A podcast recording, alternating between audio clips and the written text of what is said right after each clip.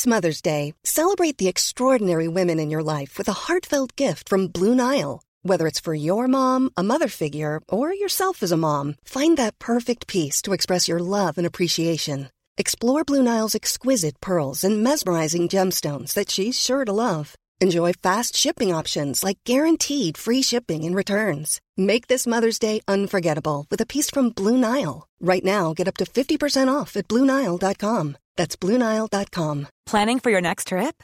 Elevate your travel style with Quince. Quince has all the jet setting essentials you'll want for your next getaway, like European linen, premium luggage options, buttery soft Italian leather bags, and so much more. And is all priced at 50 to 80% less than similar brands.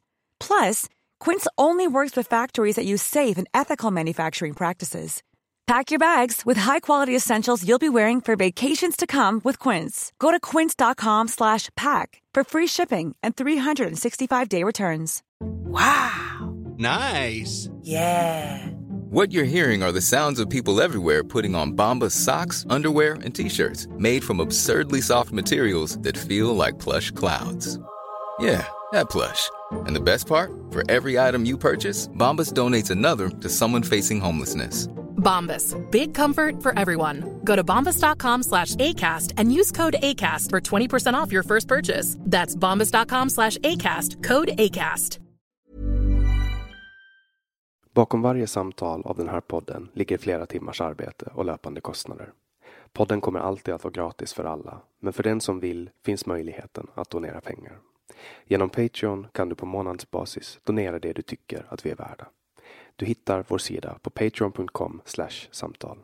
För dig som kan och vill så går det även bra att swisha en donation på nummer 070-3522 472. Länkar och information hittar du på vår hemsida eller i poddens beskrivning.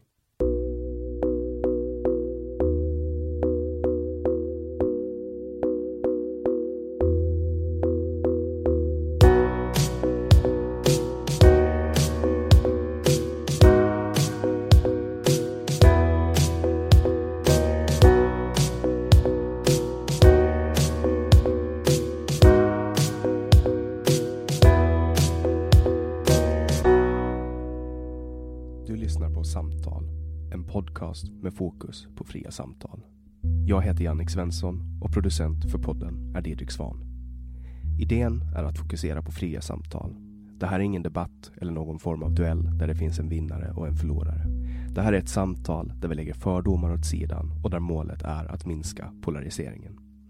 Vi tror att öppenhet är grunden för det demokratiska samtalet och vi vill uppmuntra dig som lyssnar att välja att exponera dig för samtal med någon du inte håller med om, hur triggad du än blir. Vår podd består av långa samtal. Vi vill ha långa samtal eftersom vi då får chansen att verkligen gå in på djupet. Den här podden presenteras av Webax, hemsidor och innehåll. Mer om Webax kan du läsa på www.webb.ax, webb med två b. Jag heter Jannik Svensson och du lyssnar på podcasten Samtal.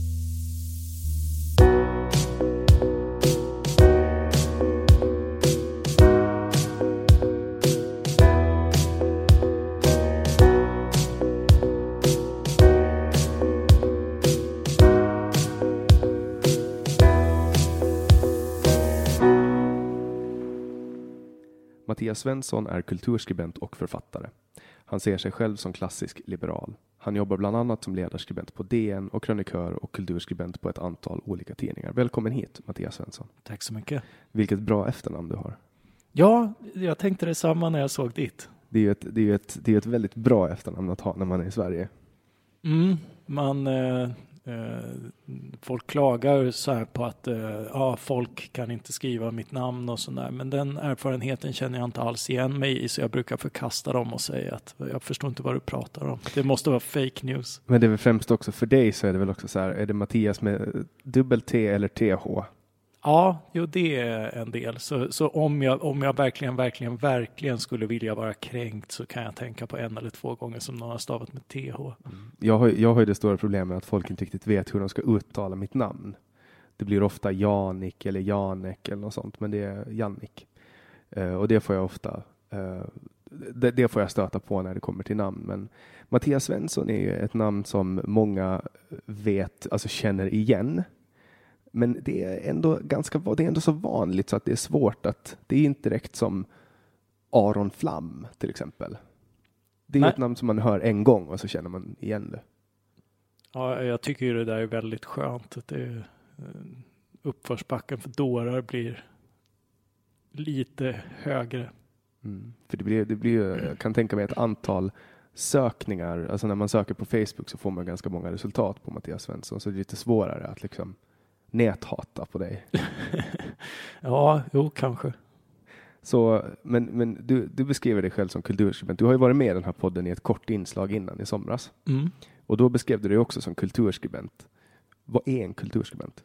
Eh, ja, alltså det är ju mest att eh, när, när jag blev eh, frilans så fick jag min bas som eh, kulturskribent på Aftonbladet Kultur och det är ju liksom en väldigt kul ironi för dem som inte känner till För det är ju en eh, socialistisk eh, sida. Så jag har ju i ett antal år då varit eh, kultursveriges, vad jag vet, enda alibi-liberal. Du vet, liberala eh, tidningar, eh, liberala till namnet i alla fall, eh, de har ju kultursidor där du har jättegott om alibi-socialister, i, inte sällan i hela tidningen eh, kultursida socialistisk. Alltså typ en, typ en husplatta. Ja, men så här liksom, de, de har ett antal alibi-socialister och ibland är det hela sidan. Men jag känner inte till någon annan eh, liberal som har varit skribent på en socialistisk kultursida. Och, och då när vi, när vi säger, alltså, och, och här måste vi göra direkt en gränsdragning när det kommer till liberal. När du säger liberal och syftar till dig Mm. själv, då menar du det som folk skulle säga libertarian eller klassisk liberal eller nyliberal eller neoliberal. Ja, alltså jag brukar säga att jag är liberal på alla sätt utom socialliberal. Um, alltså jag är eh, marknadsliberal, jag är drogliberal, jag är sexliberal, uh, alkoholliberal, you name it. Eh, så, så jag vill helt enkelt ha frihet både i privatlivet, i samhällslivet och eh, i ekonomin. Och, och det, här, det här är liksom det, det här är ju något, den, nya rörelsen som, som går eh, inom, inom nyliberalism, ursäkta mig min franska, men de väljer ju ofta att kalla sig själva för libertarianer. Mm. Och det har väl lite med den här kapningen av ordet liberal att göra. I USA så går det ju inte att säga liberal, för en liberal är ju lika med ett vänsterhuvud liksom. Ja, jo, eh, det stämmer. Och eh, jag tycker vi förde den där debatten så pass långt på 90-talet att, att, att liberal faktiskt fin- fick en, en liberal betydelse. Jag har ingen referenspunkt till det, för jag är född 94. Ja, ja, ja jag, jag, är gammal nog. Jag var liksom aktiv i Frihetsfronten och lite sånt där som, eh, som, som liksom etablerade den alltså klassiskt liberala debatten utifrån eh, tänkare som Ayn Rand och Milton Friedman och Friedrich Hayek eh, Eh, och tillbaka till John Locke, Adam Smith, den klassiska liberalismen. Eh, och sen libertarian, det är ju svartklubben, Frihetsfrontens svartklubb hette ju Trittna Ha, för det var liksom någon, eh, någon folkpartist försökte säga libertarian och sa fel hela tiden och sen fjantade de till det där lite till så att det blev, eh, du är en sån där Trittna Ha. Men det finns ju en poäng i det där eh, att, att det är ett rätt krångligt namn.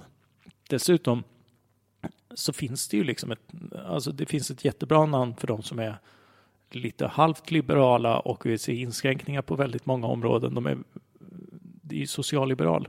Men socialliberal för mig har, har liksom blivit, för jag har ju ändå, jag, jag företräder ju ändå, eller har företrätt ett socialliberalt parti, alltså Liberalerna Mm. på Åland.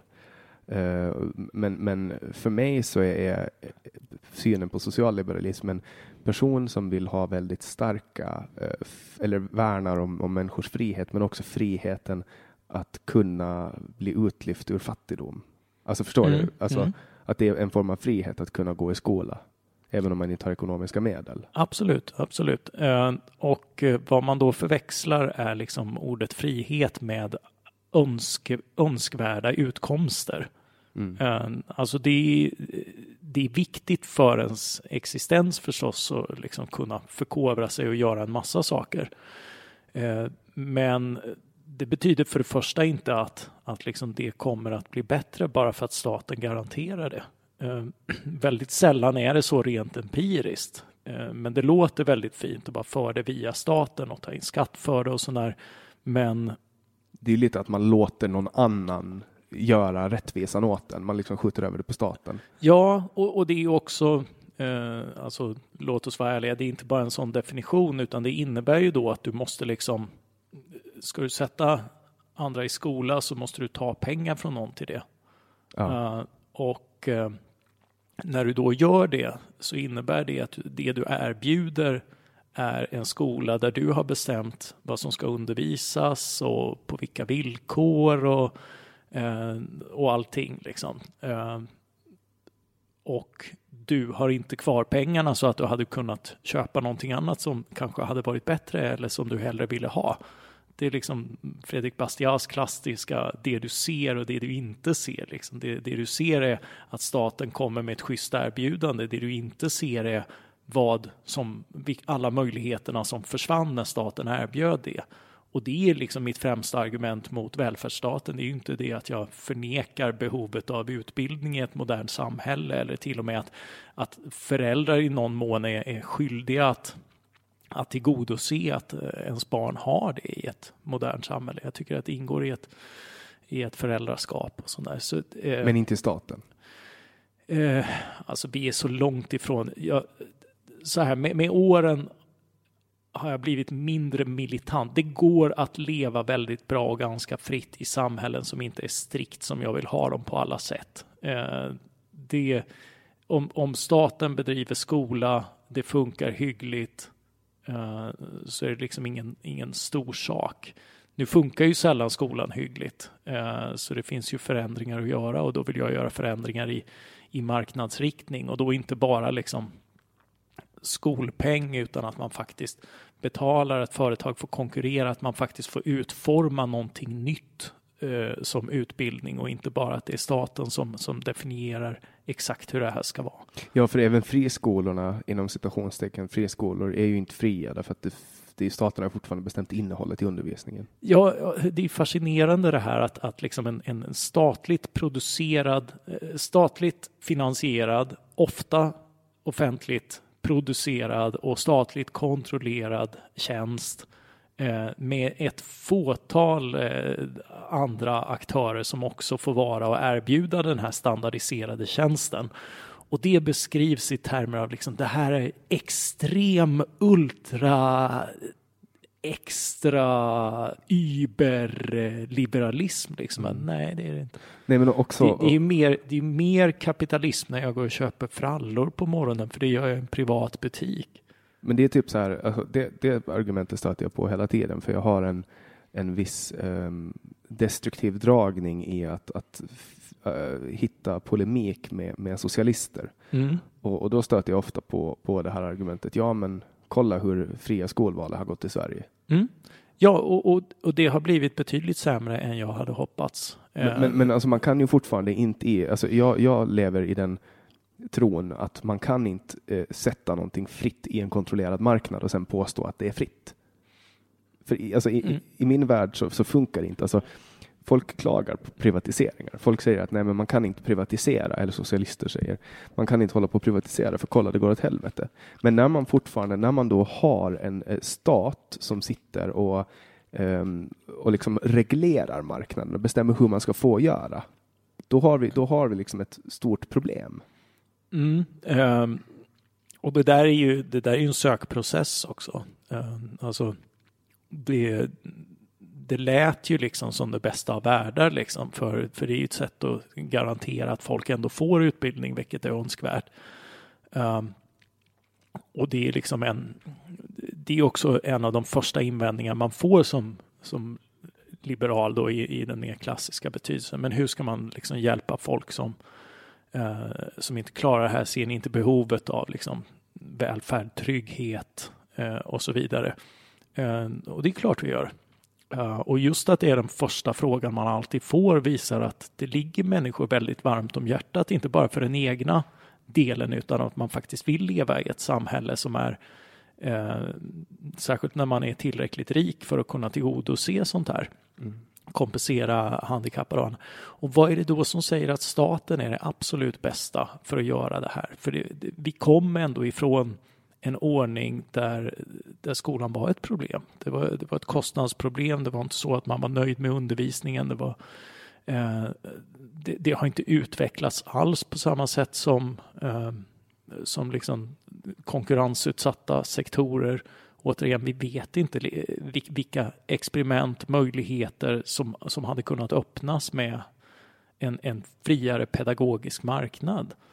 Ja, och sen också att, att om man skulle, och här får man ju också gå tillbaks till, för jag har ju, jag ska inte hymla med varken lyssnarna eller med dig om att jag har sympatier som väldigt långt faller i harmoni med dina när det kommer till det eh, libertarianska, som, som jag väljer att kalla det eftersom det är, mm. det är helt enkelt lättare att, att, att säga det. Man undviker missförstånd. Um, men, men folk, när, när jag pratar med folk så får jag alltid ta det till ett filosofiskt plan, för folk vill gå in och argumentera med mig om varför staten alltid är bäst på olika saker. Mm. Men jag argumenterar inte från det sättet. Jag har, jag har liksom underkastat mig det här systemet och lever i systemet. Jag följer lagarna och, och jag lever liksom demokratiskt. Men jag drömmer om ett, en utopi där allting är fritt. Alltså jag skulle vilja gå tillbaka och konstruera om eller gå in och konstruera en stat. Mm det är ju, det är ju också en, en tydlig reforminriktning eh, som jag tycker är rimlig. Därför att om vi tittar på den här blandningen då.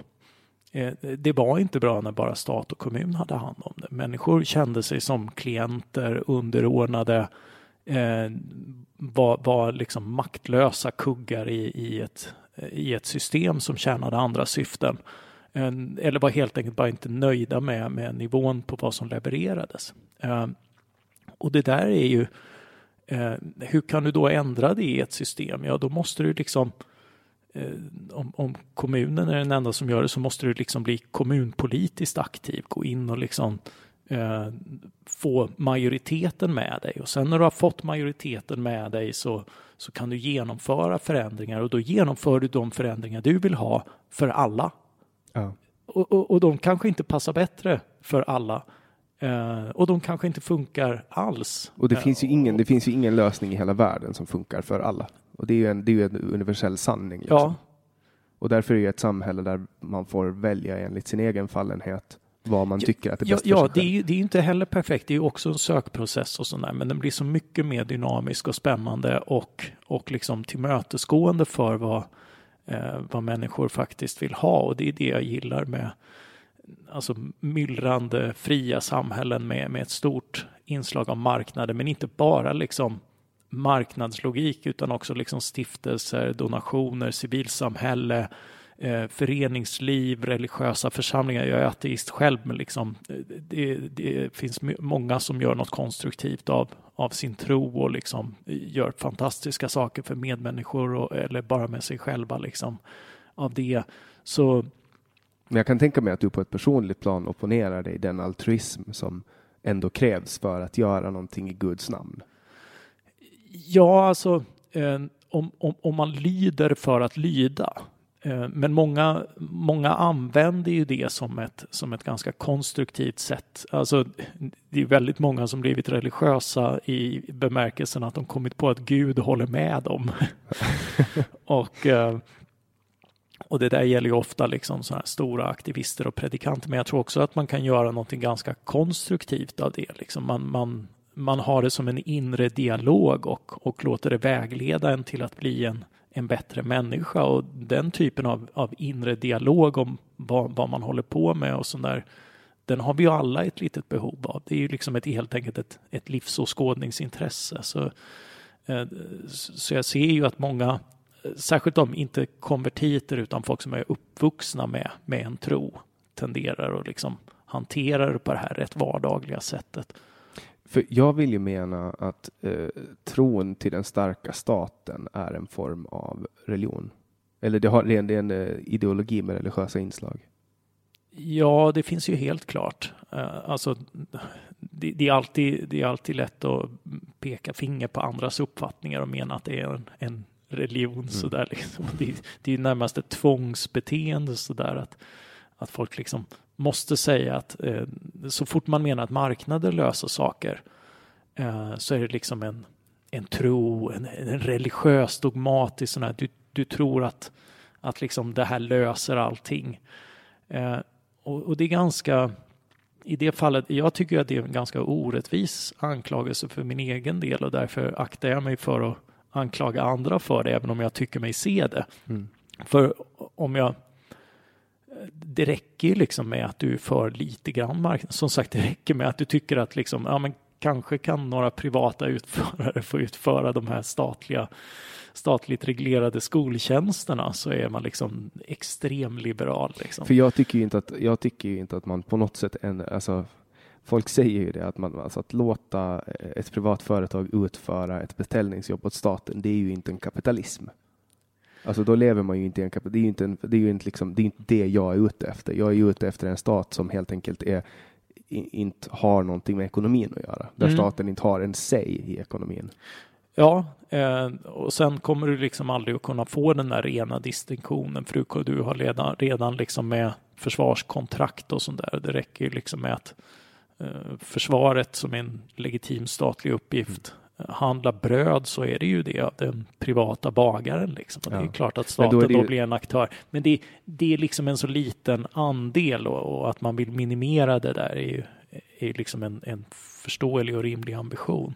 Och, och min, min politiska strävan är, är att på något sätt försöka påverka staten till att sluta expandera. Mm. Och det är ett ganska rimligt mål att ha idag. Det är på samma sätt som att de som är socialister idag, de vill se staten eh, nationalisera bolag och, och verksamheter. Medan min är tvärtom. Mm. Jag tror inte att jag någonsin under min livstid kommer att få se min eh, nyliberala utopi.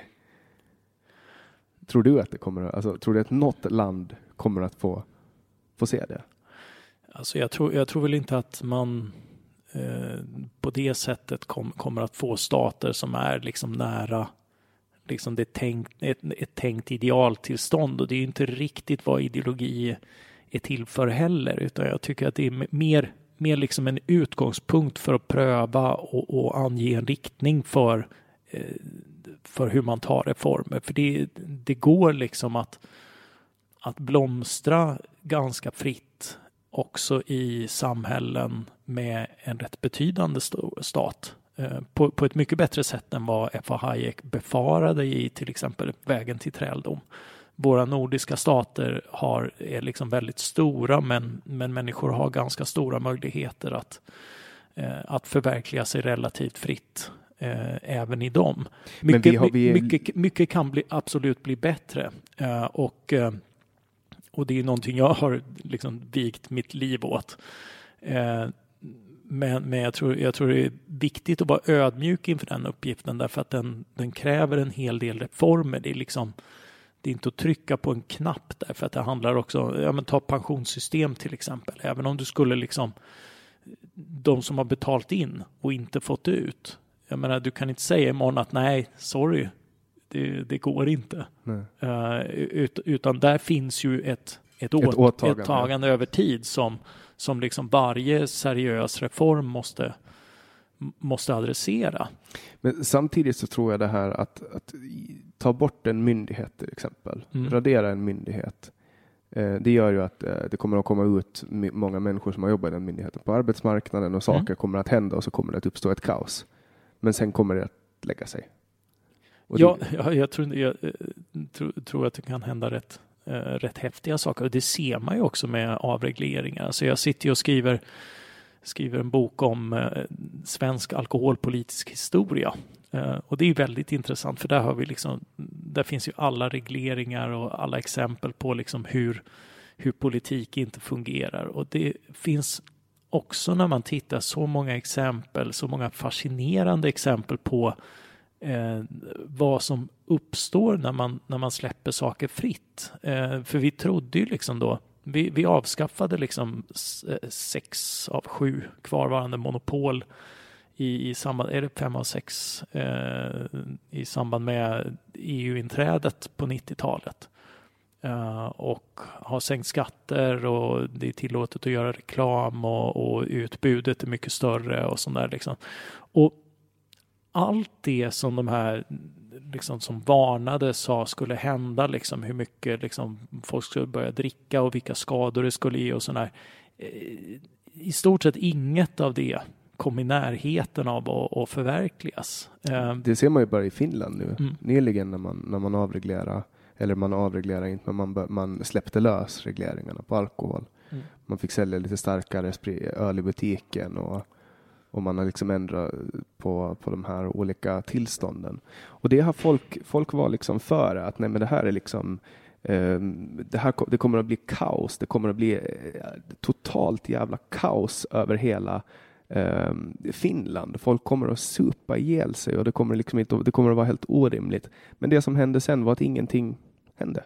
Och, och ingen blev liksom ingenting hände. Folk har till och med alkoholkonsumtionen har till och med gått ner. Ja, jo, jo, det är ju samma i Sverige. Eh, det är ju nästan lite tråkigt. Eh, alltså, eh, men det har ju också hänt mycket. Jag har tittat då exempelvis på öl, för jag tycker liksom det, det är så talande liksom så här. En ölhistoria summerar liksom bryggeriernas historia från eh, i hundra år, eh, 1985. Och det är så talande att se liksom att det handlar om propositioner, det handlar om eh, procentsatser på öl som får säljas i butik och som inte får säljas i butik och, och ska det vara eh, 2,8 eller 3 procent eller kanske till och med 3,5 procent och sådär. Man dividerar fram och tillbaka under hela 1900-talet. Eh, och det här är liksom ölets, eh, bryggeriernas historia. Det handlar liksom inte ett dugg om kvaliteter, innovationer, nya sorter och sånt där liksom som, som hade varit en, en riktig näring på en marknad med, med, som, som hade haft i uppgift att, att betjäna kunder. Det, det finns inte. Och det, det är liksom så bisarrt genom sin frånvaro. Och sen har vi då fått en, en avreglering. Och vad har vi då fått nu? Liksom? Jo, vi har fått en massa dyra mikrobryggerier som säljer alkohol som är betydligt dyrare per krona än någon högbeskattad vanlig lager varit någonsin. De har alltså fått folk att liksom betala mer och sitta och suga på sin kvalitets-IPA eh, så att de knappt blir fulla längre. Man har tagit fram en fin kultur. Liksom. Mm. Man har förordnat. Det är ganska spännande också. Vi pratade precis före vi började spela in om att det här huset som vi sitter i, det var Gustav III som lät, eh, lät uppföra det därför att man i Tyskland eh, lagar väldigt mycket öl och för att man hade tillgång till rent vatten och det hade man inte i Sverige. Och, och så man importerar väldigt mycket öl och då ville han att man skulle betala tull för det. Mm. Så han lät bygga det här huset så allting som kom in till Stockholm kom via det här huset så att det togs in här och så tullades det och så togs det ut på baksidan. Och, och nu är det ju, finns det, det jag tror inte att det finns en enda droppe alkohol som, som liksom eh, har, säljs på marknaden som har sitt värde. Alltså, hur många procent av, eh, om du köper en öl, hur många procent är skatt egentligen? Typ 90 procent eller någonting. Eh, ja, jag har inte det. Eh, jag har inte koll på det- exakt det är hur mycket det är, men det är, bisarrt. ga- det är ganska mycket. Ja. Jag, jag tror att det är mindre för öl. 90 tror jag är för sprit. För det, det är liksom, alltså, hela, hela alkoholmonopolet är en, en sån, ett sånt kärt, bar, kär, kärt barn i Sverige. Alltså, kollar du till exempel på, på vilket land som helst där du kan gå in i en snabbshop klockan 11 på kvällen och köpa en flaska vin. Det, alltså, Mm. det, de har en fungerande statsapparat. De har inte alkoholister som ligger och slår ihjäl varandra på vägarna. Liksom. Nej, nej men det, ju- det finns ju ett sån här eh, nanny state index eh, som mäter liksom friheten eller rättare sagt ofriheten för att äta, röka och dricka i EU-länder. Och eh, i den senaste mätningen så var eh, ett, av, ett av de absolut minst reglerade länderna på det här området var Tyskland. Mm. Och Tyskland är inget oordnat samhälle. Alltså man blir inte, det, det blir inte ett oordnat samhälle för att man inte reglerar saker politiskt. Tysk- och, det, och det där är väldigt svårt för folk att förstå. Att, att liksom, för man tror ofta från nästan alla håll att, att ordning, ordning förutsätter lagar så att därför liksom ju fler lagar desto mer ordning och, och det sista följer inte. Och jag tror, jag tror alltså, jag menar, kollar man på Tyskland, det är väl typ Europas bäst välfungerande industriland. Mm. Ett av dem i alla fall. Och är framgångsrikt på typ de flesta, alltså vad man än mäter på så är Tyskland typ bäst. Mm. Eh, och de har, där är prostitution är ju lagligt. Eh, alkoholen är i princip fri. Jag vet inte hur det står till med narkotikapolitiken, men jag kan tänka mig att de har ganska slappa lagar. Ja, alltså det, det är väl inget jätteprioriterat eh, ingripande i Berlin gissar jag, men, men längre än den typen av inofficiell harm reduction tror jag inte de har kommit. För när, när du säger, som du sa i i början, att du är liksom, du är alla former av liberal, du är Mm. drogliberal. Ja, absolut. I debatten idag så blir det ju per automatik så att om en person håller åsikten att man bör göra någonting åt narkotikalagstiftningen som inte är att göra den hårdare, då är man automatiskt en drogliberal. Och jag, det inte jag förstår är hur, hur det kan komma till de här, till de här ytterligheterna. Att, att man har liksom man, man kan antingen vara, vara för kriget mot droger och då är man med i, i det sköna etablissemanget eller så vill man hitta en alternativ väg och då är man en farlig människa. Hur har det kommit till det här? För att du, du det, det jag försöker komma till är att eh, du kan må vara drogliberal, men det betyder inte att du tycker om att ta droger själv. Eh, ja, alltså jag, jag har inte testat speciellt mycket tyvärr. Jag är en rätt töntig person, men, men alla droger jag har testat har jag verkligen tyckt om. Eh, men, eh, men alltså ingen vill ju missbruka droger. Ingen vill bli beroende. Alltså det är det är som med allt, alla nöjen. Liksom så här. Tar de över fullständigt så lever man ett eh, ganska tomt och tragiskt liv. Och just droger, beroendeframkallande droger kan ju bryta ner en fullkomligt genom att de tar över livet och sådär. Den, den aspekten finns ju för, för både legala och illegala droger. Uh, och det är liksom ingen som blundar för det. Men om, om du då liksom får välja vilket, vilket missbruk, om du, om du får göra liksom en John Rawls variant liksom. Du, du blir missbrukare, du väljer välj ditt missbruk. Jag tror ingen skulle välja ett missbruk av ett illegalt preparat snarare än ett legalt. Jag tror att många skulle välja cannabis för alkohol till exempel, men knappast eh, amfetamin för alkohol. cannabis är svårt att missbruka överhuvudtaget. Liksom. Det, Alltså det finns, det finns ju någon Ja, som det finns de som röker för dag. mycket för, Ja. för sin hälsa, men liksom just det här beroendet och sånt där. Det, det jag far efter lite grann är att om, om du blir beroende av en legal substans så har det i alla fall inte priset av att du liksom blir på samma sätt utstött ur samhället. Nej, det Eh. Det, det finns inte samma stigma. Du har liksom, behöver liksom inte frukta för polisen. Du behöver inte vara rädd för att be om hjälp. Mm. Eh, och, och det där är ju eh, någonting som gör utsattheten för missbruk så mycket värre. Och det, det är en av anledningarna jag har till att jag eh, jag, jag vill inte bara legalisera lätta, så, så att säga, lätta droger som, som marijuana. Eh, för där kan man ju diskutera om liksom ett, ett förbud är, är motiverat utifrån farligheten därför att, därför att det är inte så speciellt. Eh, det, det är en drog som förvisso kan användas så att det är hälsofarligt men, men det är liksom inte en, en speciellt potent drog i, i någon egentlig bemärkelse. I toxisk bemärkelse. Ja. Eh, sen, sen så är ju problemet, det, det finns ju liksom tobaksproblematiken att, att anledningen till att cigaretter är så hälsofarliga är just att det är en väldigt lätt drog så du kan bruka den precis hela tiden och Mm. det, det är ju det som gör den så, så farlig. Du måste ju röka i decennier för att det ska ha liksom märkbara hälsoeffekter.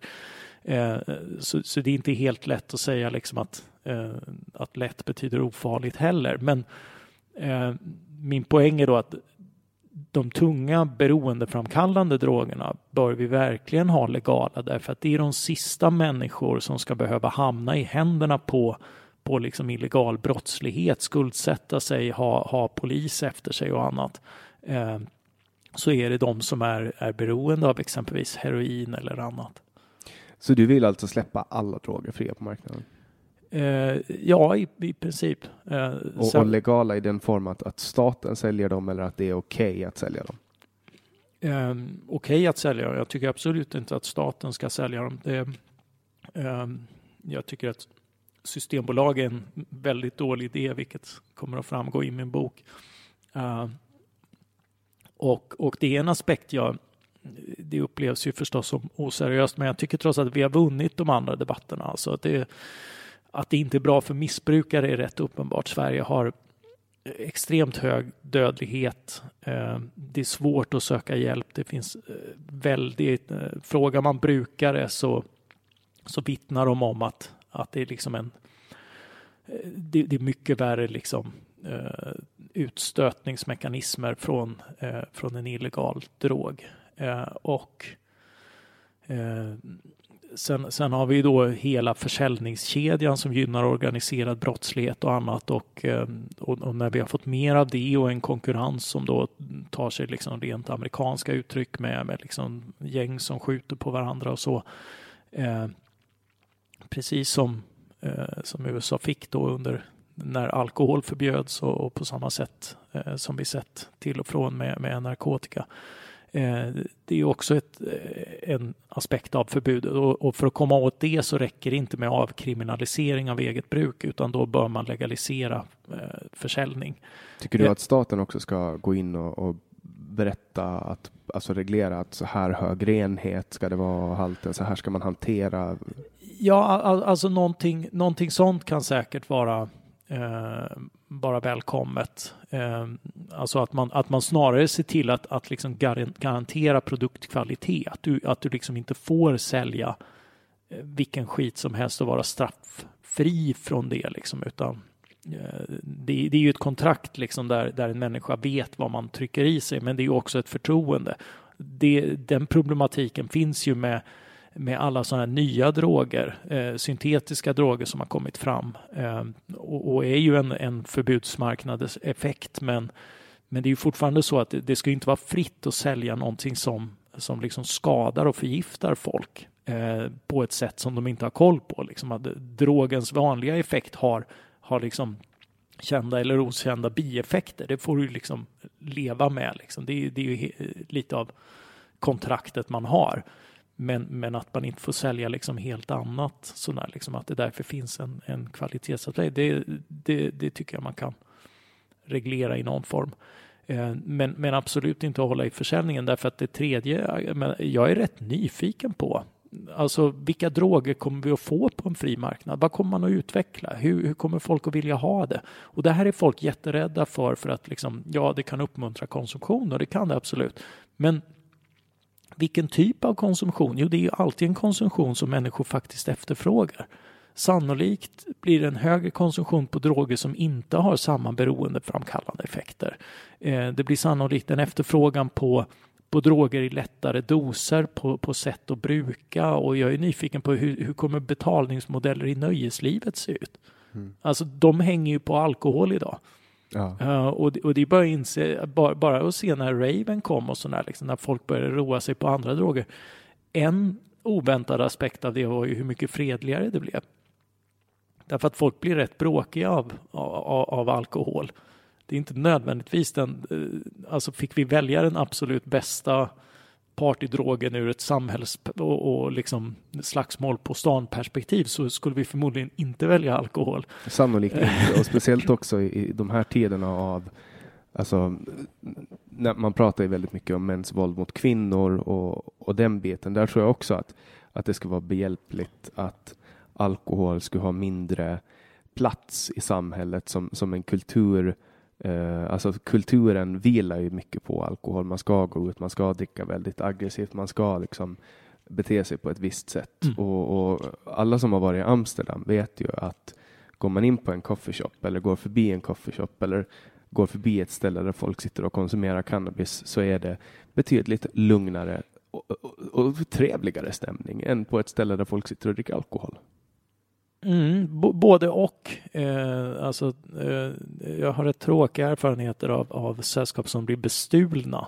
Eh, just. Eh, och, och, det är ju drogrelaterat, inte till legala droger utan till illegala droger som också är vanligt. I, Be bestulna alltså? Ja, men på handväskor och sånt där. Liksom att, att det är mycket mer ficktjuvar och sånt där liksom i omlopp. Eh, just för att det drar ett visst klientel till sig. Eh, att vara den enda staden som har legala droger. Ja, det är ju, det är ju inte, alltså, då kommer man ju att attrahera, eh, alltså, Ja, ja precis. Alltså det, det är ju snarare en, en, en selektionseffekt än, än en effekt av drogerna och sånt där. Liksom. alltså skulle men- de kunna åka till tio andra städer så skulle det ju vara lite mer utblandat. kanske. Ja, ja. Men, men generellt så håller jag med. Och jag är lite grann nyfiken på vilka umgängesformer skulle vi hitta? Jag är övertygad om att vi skulle hitta roligare, bättre, mer kreativa sätt att, att, eh, att koppla av och umgås och sådär. Liksom. Typ och, och eh, det, tjackkubb i Vanadislunden. ja, ja, men alltså, jag vet, alltså, jag, jag, jag, tror, jag tror att det, den, den typen av, av droger eh, jag läser en intressant bok nu av statsvetaren Peter Andreas. Liksom. Det, det där har ju mest använts i det militära. De, eh, de kö- kör ju fortfarande i amfetamin i, i sina piloter och sådär när de ska Prick- göra lång, långflygningar och Ja. prickskyttar och sånt där. Liksom. Och, eh, och eh, det, det har säkert det har ju sina uppenbara fördelar och hälsonackdelar skiter ju staten i liksom på lång sikt. Ja, alltså Eh, alkohol. Alltså. Så, eh, men, men alltså eh, det, det privata testandet tror jag, eh, alltså det är klart det finns risker. Vi kommer att få lära oss väldigt mycket nya nya problem som vi både hade kunnat vänta oss och inte vänta oss, men också väldigt mycket skulle vara intressant. Jag, jag tror liksom inte, jag tror inte eh, att, att vi skulle få ett sämre nöjesliv av, av större liksom, utbud och valfrihet av droger. Jag tror absolut inte att det är någonting vi på det hela taget behöver vara rädda för. Mm. Och sen ska ju också, eh, kan jag tänka mig, att, när, att det som skulle hända när, när, när man gör en sån här grej är att man slår undan fötterna på den, kriminella, alltså den organiserade kriminella Mm. brottsligheten. Då, och då kanske de drar med sina pengar eller så hittar de någonting annat. Närmast stående är väl kanske human trafficking. Ja, alltså det är all, alla som, som liksom va- valt en kriminell identitet kommer ju inte lägga av med det, det är ju självklart. Eh, Men det blir svårare. Det är ju samma sak, man har ju upptäckt nu i kriminologisk forskning att bara liksom att, att slå till på en viss punkt där, där liksom det begås många stölder eller sådär. Eh, då flyttar en del men långt ifrån allt. Därför att du behöver liksom som kriminell känna dina miljöer, din omgivning, veta liksom, eh, tolerera folk det här, här och sådär. Så fort man kommer bort från, från kända miljöer så, så är det svårare. Så, så bara en sån sak kan förhindra liksom, att man slår till mot ett ställe, kan förhindra förekomsten av samma brott. Och, och eh, när det gäller liksom hela brottstyper som eh, i princip försvinner, i alla fall radikalt minskar, eh, så är det klart att eh, då är det väldigt många som behöver söka något annat och, och väldigt många kommer inte att göra det. Framförallt har du liksom inte du har inte samma behov. Jag har svårt att se, alltså human trafficking till exempel, du har inget behov av småkillar där. Som, som springer omkring eh, och, och gör spanartjänster och sådär. Så Mm. liksom hela, Kedjan faller. Ja, ja alltså väldigt mycket av, av nyrekryteringen som drar in människor i det eh, för, försvinner om du inte hittar liksom ett, ett ganska perfekt substitut och det är svårt att se vad det skulle vara.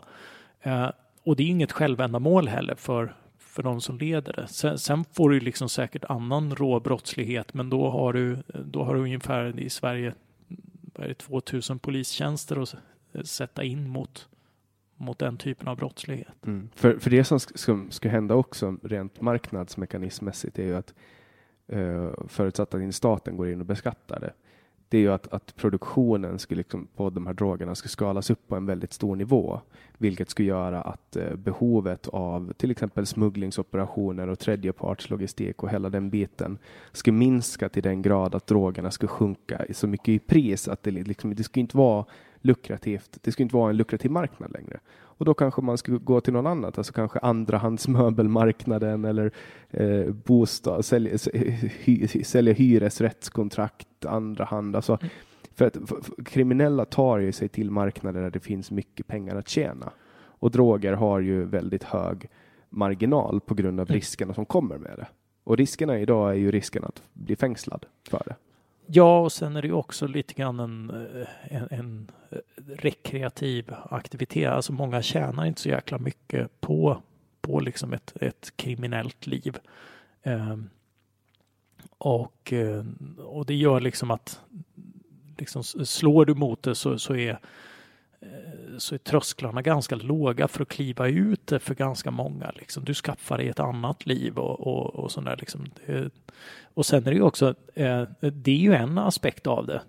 Alltså, vi, let, vi säger så här, liksom, vi behöver liksom fler jobb som man kan kliva in i utan att ha liksom hög formell utbildning eh, och eh, jobb som inte nödvändigtvis ligger i stadskärnan.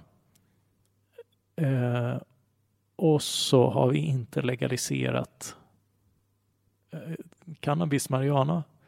Alltså det är ju den typen av jobb.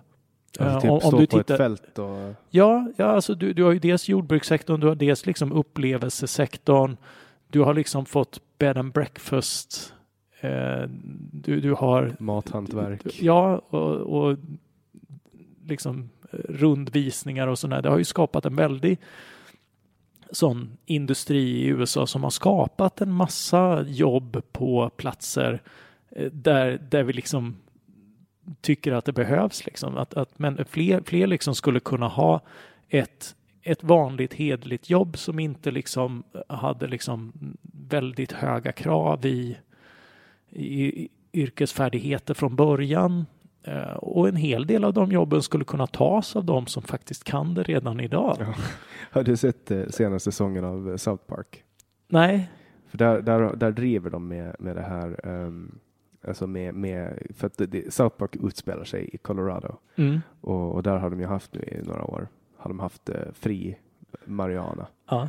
Uh, och då, då skaffar sig Randy en farm som heter Tegerty Farm och då liksom gör de alltså flera avsnitt, typ halva säsongen går ut på att Randy håller på med den här Tegerty Farm och det kommer folk dit och håller på. Och, och spolar man tillbaks tio år i South Park så, så finns det här avsnittet där eh, Colorado har precis fått att man kan med ett så medical marijuana pass få mm. utskrivet marijuana. Och då stoppar alla, alla vuxna män i stan stoppar in sina pungkulor i mikron för att få testikelcancer. och så slutar det med att de hoppar runt på sina pungkulor och röker weed. Men när man kollar liksom på den, den samhällskritik som, som de riktar, för att de är ju mm. extremt skarpa i sin ja. samhällskritik. Ja.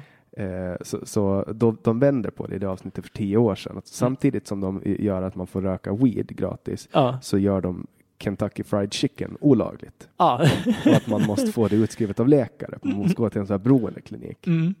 Och så vänder de på det. Och sen när man kollar på det så är det väldigt roligt. Men när man liksom ja. vänder på det så är det ännu mer liksom det är så genomtänkt. Ja, ja det är det. De, eh, de, de är väldigt smarta på det sättet och, och um, det, är, det är liksom väldigt träffande. Alltså kanske mer än de tänker på, för det är ju liksom verkligen så slumpmässigt vad som är förbjudet och inte och titta trender över tid och annat. Liksom. Och ur ett hälsoperspektiv, folkhälsoperspektiv, så är det mycket bättre att, att eh, kriminalisera KFC som faktiskt försämrar folkhälsan med mm. transfetter och extremt mycket kolhydrater på kyckling. Alltså, och miljön och klimatet, alltså hela den biten, alla de aspekterna, vilken nyckeltal man än tittar på, så skulle det vara bättre att förbjuda snabbmat.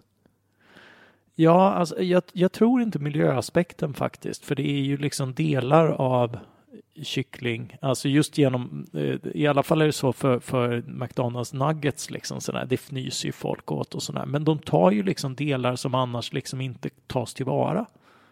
Eh, och, och, som, du, som du inte hade ätit annars liksom, som, som du just äter genom processandet. Eh. Kollar du på McDonalds propaganda så stämmer ju inte De tar ju bara de finaste delarna av kycklingarna, säger de själva. Men jag tror inte att det är så. Nej, Eh, nej, så är det ju inte. Och det är det, det, är det som är bra så att säga. Så det... men, men kollar man liksom på, alltså nu är det här, nu vet jag att det här är extremt, eh, extremt kontroversiellt. Och, och, hemma på Åland så kommer jag att bli hängd eh, på grund av att vi sitter och har den här diskussionen. För att jag var ju nyligen med om en grej, nu har jag, nu har jag fan berättat till alla svenskar som är poddar med så drar jag den här historien eh, om mitt mediadrev. Att jag skojar mm. om droger och så blev jag utsatt för ett mediadrev. Uh, och, och, det är liksom, det är också det som gör att jag har liksom försur, jag har blivit jävligt sur på att samhället är på det här sättet. Mm. Och, och, så räcker det med att jag åker till Stockholm och så träffar jag en person som jobbar på Sveriges största tidning. eh, som är kulturskribent, som är författare, som, har liksom, som är helt fullständigt legitim och välkommen i alla de fina salarna. Som pratar om de här sakerna, som att det bara var en grej. Helt normalt. Ja, eh, jag, jag kanske inte är riktigt representativ ska väl sägas, men, men, eh, men jag tycker liksom, ja, de, de här eh, reaktionerna finns och fanns ju framför allt tidigare. Liksom. Eh, jag tog väldigt mycket drogdebatter när jag var aktiv i Frihetsfronten på 90-talet. Sen tröttnade jag lite grann faktiskt, för det var liksom det enda, och om du uttalade dig för legalisering så var det enda du fick, du fick uttala dig om. Så kul var det inte. Mm. Och det är fortfarande så liksom att man man förmodas liksom komma till, till en debatt och där är man liksom Satan. Ja, men du är som, ju Satan, alltså enligt de flesta. Ja, ja, ja. Uh, och uh, det, det, är bara det att, uh, och, och det, det, är ju rätt kul när man är 20 någonting, men liksom Sen tröttnar man på det där och sen noterar jag liksom att det, det är ändå en glidning nu, liksom att, att debatten ser helt annorlunda ut och framförallt att det finns faktiska exempel, alltså avkriminaliseringsexemplet i, i Portugal och, eh, och eh, legaliseringsexemplen i eh, amerikanska delstater har ju gjort att man kan se att nej, du, du kan ha kritik mot det. Allt är inte perfekt i en läroprocess, men ingenting i närheten av, av det du har förespeglat skulle hända har hänt. Och sen händer det ju inte att folk säger så här, ja vi hade fel. Nej, det är ju ganska sällan eh, någon, alltså sånt där sker ju grad, men, men så är det ju med, med en själv också. Alltså du, om, om någon har bra invändningar så går du liksom hem. Då, då är det förstås inte så att du med en gång säger ah, om det inte gäller en sak, liksom sådär, utan just värderingsfråga, sådär, liksom, du behöver omvärdera. Då går du och grunnar på det där och till slut liksom så kanske utan att du själv riktigt märker det så, så har du liksom plötsligt ändrat eh, ändrat uppfattning utan att riktigt tänkt på det. Jag, jag brukar ju säga liksom att eh, när, när Sverige legaliserar droger Eh, så kommer det ske plötsligt och alla kommer mm. att låtsas som de alltid har tyckt så. Ja, jag konstaterar det med Axel också, att, att äh, när Sverige och Finland gör det så kommer alla att låtsas som att alltså alla vänder samtidigt. Mm. För det är en så jävla svensk grej. Ja, det är mycket svenskt. Att, att det är liksom så här, och sen pratar man inte, det sker under en sån långsam men det är, det, det är också slående hur folk bara accepterar mm. politiken, mm. som typ det här med minoritetsregeringen som, som regerar nu. Ja. Den har ju ingen folkligt stöd. Nu, nu blev du tyst där, men ja, ja alltså, alltså sån här, vad, vad representerar de? Liksom 32 procent eller ja, något sånt? Ja, exakt. Och det är en minoritetsregering. De mm. har, i, min, I min värld så har inte de stöd att regera. Men ändå regerar de. Varför är det så? Var, var, vad är det som gör att, att det här paradigmet håller på att dra ut? Varför, varför måste skiftet ta sån tid? Varför kan man inte bara liksom rasera en sak och sen börja bygga nästa i Sverige? Varför måste det vara på det här sättet? Ja, alltså det här är liksom, ja, vad, vad är det som ska raseras? Alltså- Socialdemokratins eh, ja, ja, tid, ja, men liksom.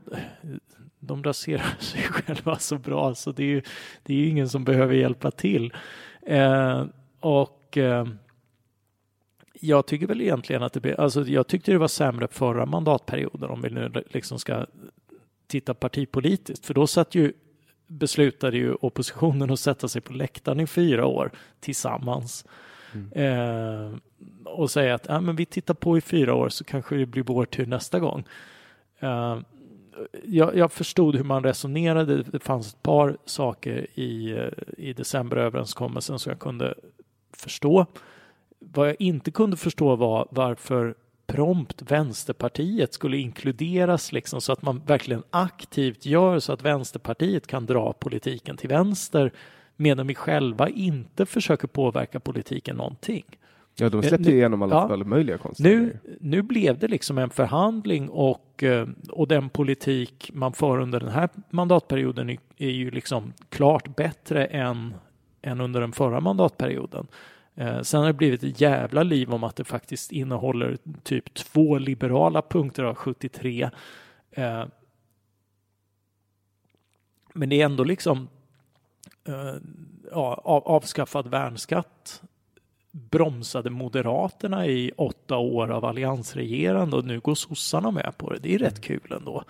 Ja, alltså, Eh. ur mitt perspektiv så gör de ju allt för att få fortsätta. Ja, Alltså, ja, ja, men jag menar det är ju så kompromisser ser ut. Liksom. Nu, nu, nu fanns det liksom ett, eh, ett underlag och då förhandlade man med det och partier fick, fick liksom igenom sig. Det är ju så politik funkar. Eh, och jag menar, det är ju inte så det finns ju en massa naiva, äh, vi, vi skulle ha liksom eh, bildat en alliansregering, ja den måste ju också förhandla med någon. Alltså, då, ja, ja.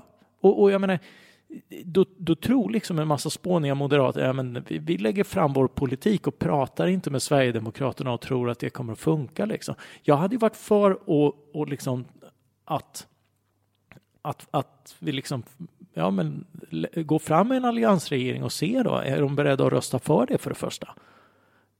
Ja, eh, jaha, liksom, då ska politiken igenom. Eh, för de har en röst mindre än, än liksom de rödgröna. Så, så varje beslut liksom, som de rödgröna gemensamt är emot måste Sverigedemokraterna rösta för. Skulle det ske utan att förhandla med det, det vore idiot, det är idiotiskt att tro.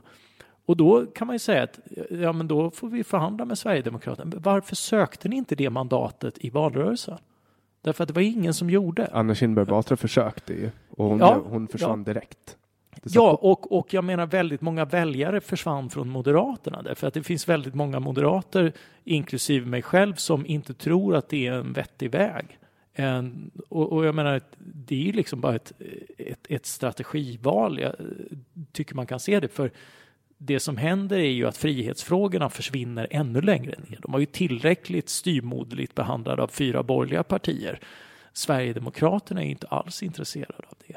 Jag menar- Det jag tror att kommer att hända under nästa eh, val, det är att Liberalerna kommer att åka ut ur riksdagen och så kommer Miljöpartiet att åka ut ur riksdagen.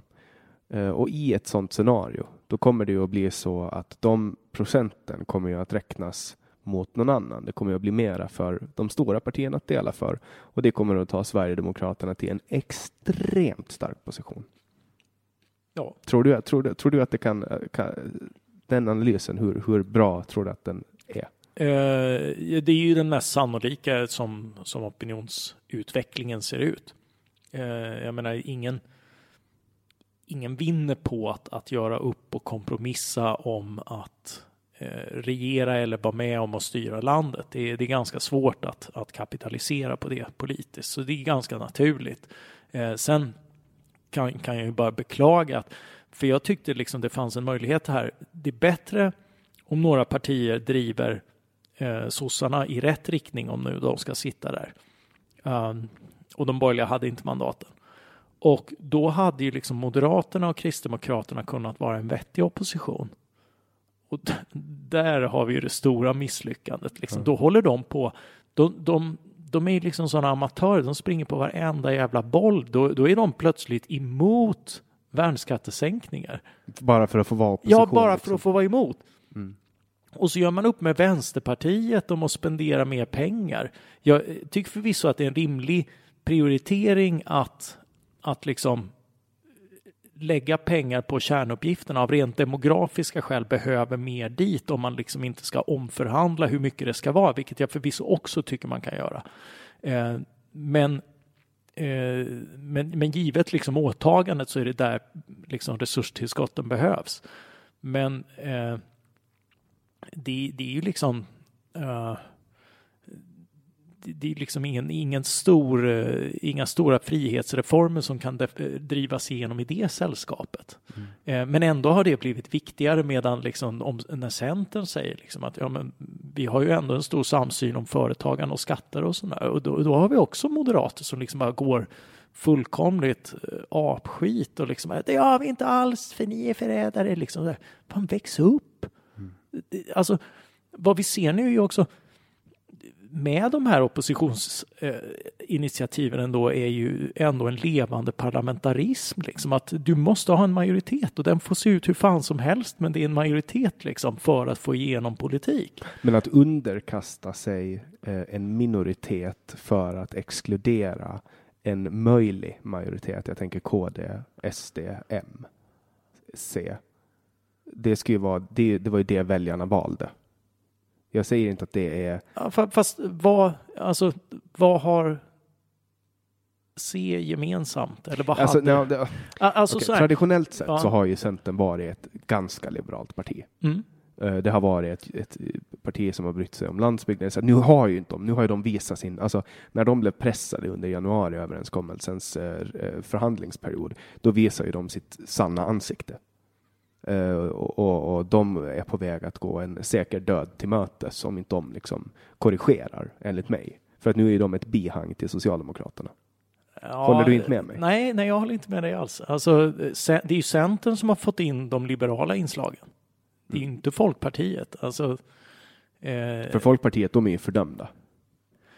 De är folkpartister. Det, det har de alltid varit. Liksom. Det, Men jag menar, alltså folk, det är liksom, jo men de är socialliberala. Det, det, är en, det är en högst mixed bag liksom. Mm. Får, du, får du någonting bra så de kan skilja på demokrati och diktatur. Det är ganska bra. Eh, De, de, de har liksom inte knasfel, men, men de, de är liksom väldigt glada i att reglera väldigt mycket.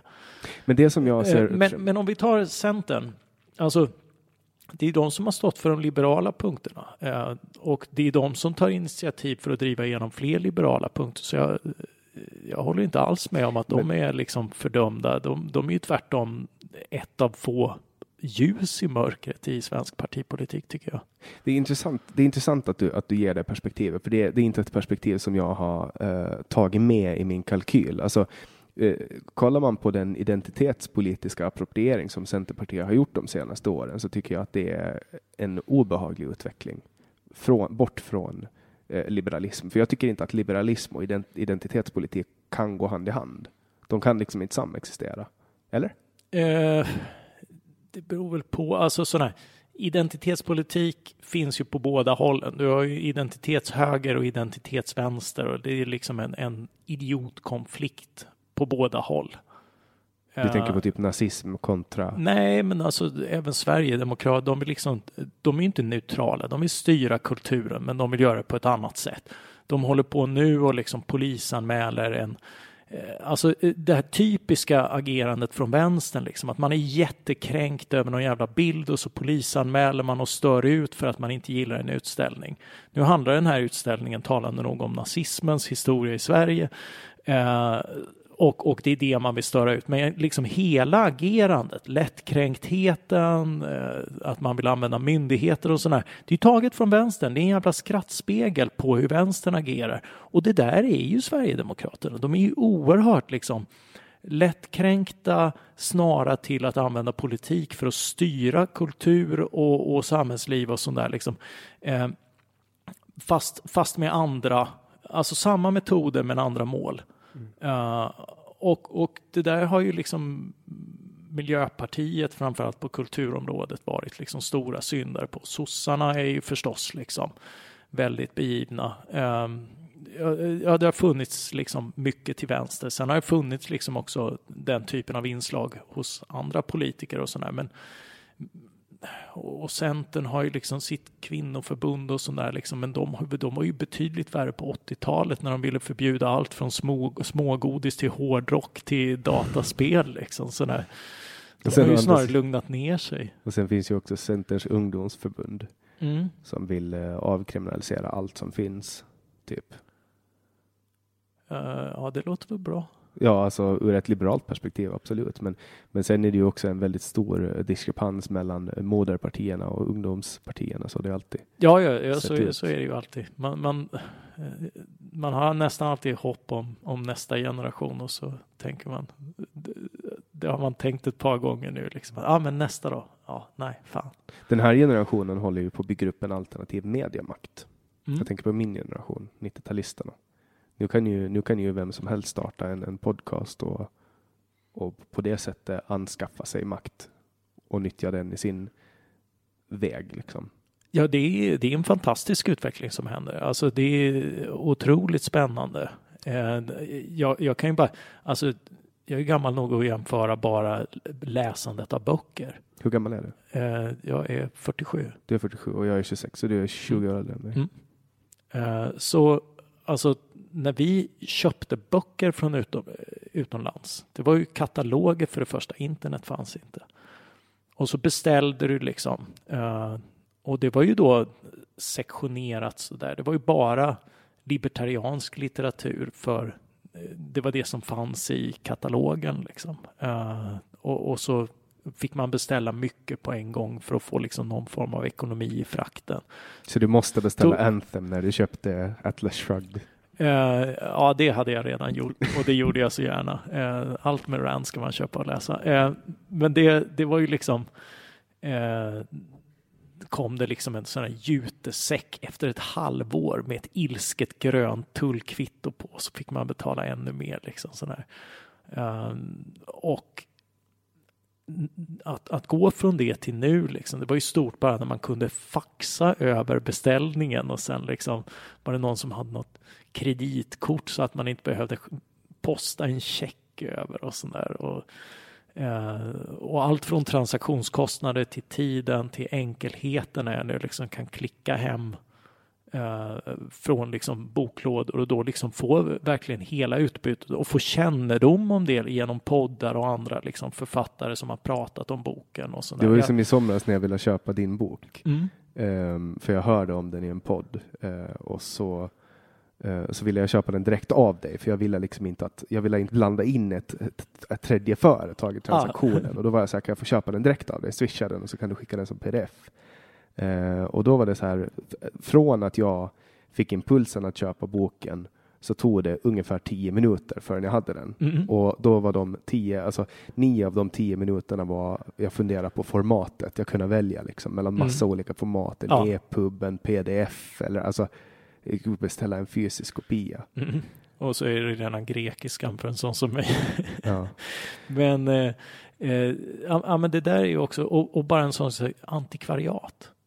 Ja. Nu är det sökbart på nätet. Alltså jag har haft sån enorm nytta av, alltså jag hade inte kunnat göra mina senaste böcker eh, om, om det inte var för sökbara antikvariat. Fantastiskt. Och poddar, liksom hela världen man kan ge sig ut i och just liksom att, ja men en, en springtur eller en promenad eller en cykeltur kan man nu liksom kombinera med att lyssna på någonting begåvat eller obegåvat. Varför har inte du en podd? eh, lärokurvan. Alltså det är så pass tekniskt avancerat att det, det är liksom rätt kört för min del. Jag har funderat på det men, men liksom det, det faller på. Eh, jag är teknikanalfabet. Du skulle kunna, du skulle kunna dra in, eh, jag skulle lyssna på din podd väldigt eh, garanterat skulle jag lyssna på din podd. Jag tror att det finns många som skulle göra det också. För att du, du är ju bland annat Sveriges största Ayn Rand-expert, får man väl ändå säga, eller? Uh, jag bugar gärna åt Per-Olof Samuelsson som gav ut, översatte och gav ut objektivistisk skriftserie när, uh, när det begav sig och även John Henry Holmberg som, uh, som Eh, såg till att ge ut den första eh, och världen själv det översättningen och, och sådär. De har ju gjort mycket för att introducera Rand för en, en bredare publik eh, och en smalare som jag. men och sen finns det en hel del nya som, eh, som också läser henne, Alexandra Ivanov, eh, Katarina Kärkinen och andra liksom sådär. Men, men eh, jag tar gärna expertisen. Alltså jag, jag har ändå ägnat ett par år av mitt liv åt att bearbeta och ge ut översättningar av Rand och eh, eh det är mest stolt för över är den här eh, essäsamlingen Förnuft, egoism, kapitalism och en romantisk livskänsla som man nog nu får vända sig till antikvariat för att få tag på därför att den, det urvalet av essäer är unikt för den svenska marknaden. Det är från alla Rands böcker fast samlat i en svensk volym och bara få igenom det genom kontrakten och, och sådär med, de är ganska hårda på Ayn Rand Institute med, med rättigheterna och sådär så det krävde en hel del Eh, liksom förtroende för att få göra det och det är jag väldigt tacksam för. Så eh, nu har vi pratat i en timme och fem minuter och, och den eh, nivån som vi har haft har varit ganska eh, det har varit på ett väldigt filosofiskt ideologiskt plan eh, och, och, kanske inte så jättelätt för alla att, att hänga med på. Men för de som lyssnar på podden, för jag vet att mm. det finns ett antal som verkligen lyssnar varje vecka Eh, och jag kan tänka mig att det är ett antal också som har hört mig prata. Det är väl kanske tionde gången Ayn Rand kommer på tal. Mm. Men jag, jag skulle önska att, nu titulerar jag dig Ja. som Sveriges främsta Ayn Rand-expert. Mm. Eh, nu ska Sveriges främsta Ayn Rand-expert få pitcha eh, och världen själv, eller Atlas Shrugged som det heter på engelska. Ja. Du behöver mera vatten kanske? Eh, ja, det är lugnt, jag har lite. Eh, så kör vi det här. Alltså, Rand var ju filosof och författare och, och jag tycker att hon är väldigt bra på båda. Hon hade en filosofi som hon en gång ombads eh, presentera på stående fot. Varpå hon ställde sig på ett ben och sa eh, metafysik, objektiv verklighet, eh, etik nej, eh, kunskapsteori, eh, förnuft, eh, etik, eh, etisk egoism och politik, kapitalism. Och epistemologi.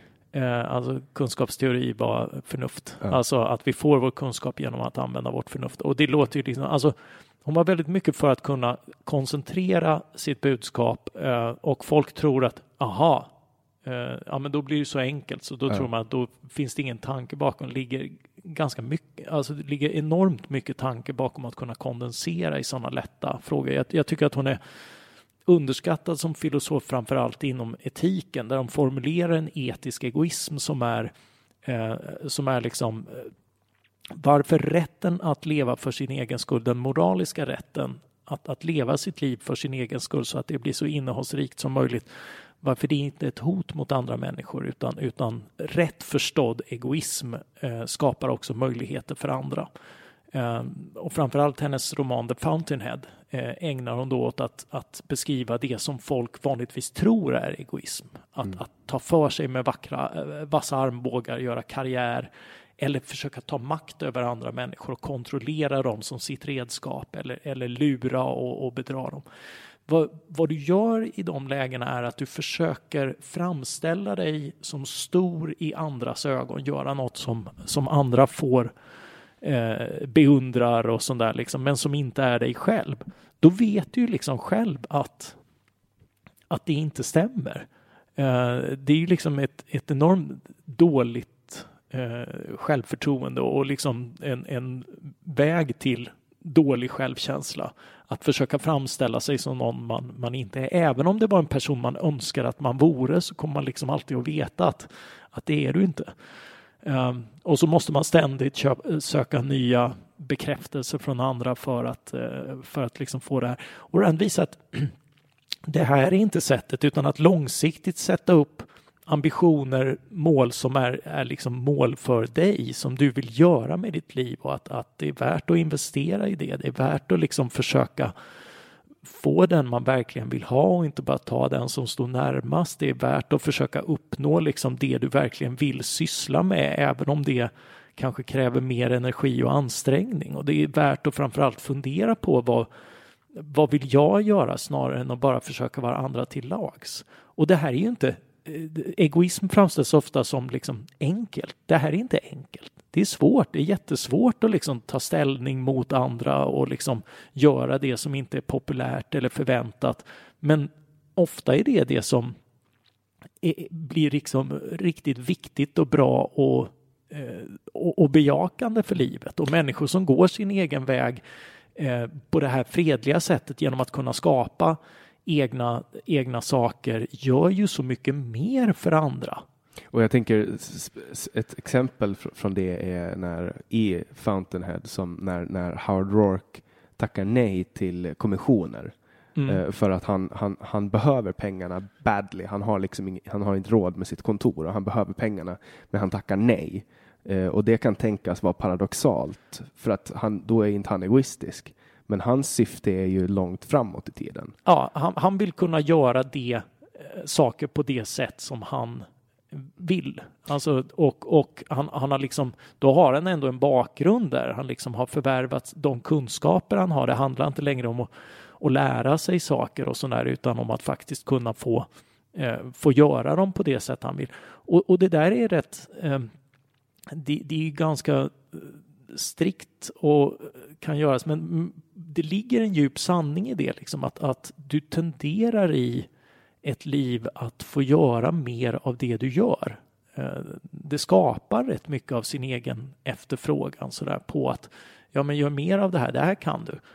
Eh, och ibland behöver man bryta det där för, för sin egen skull för att liksom eh, utveckla sig och göra något annat och sådär. Men, men det handlar också om att ja, men, välj att försöka göra så mycket som möjligt av det du tycker är givande. Eh, så kommer du, det är i alla fall den bästa chansen du har att, att försöka få göra mer av just det. Ofta får Ayn Rand kritik för platta karaktärer.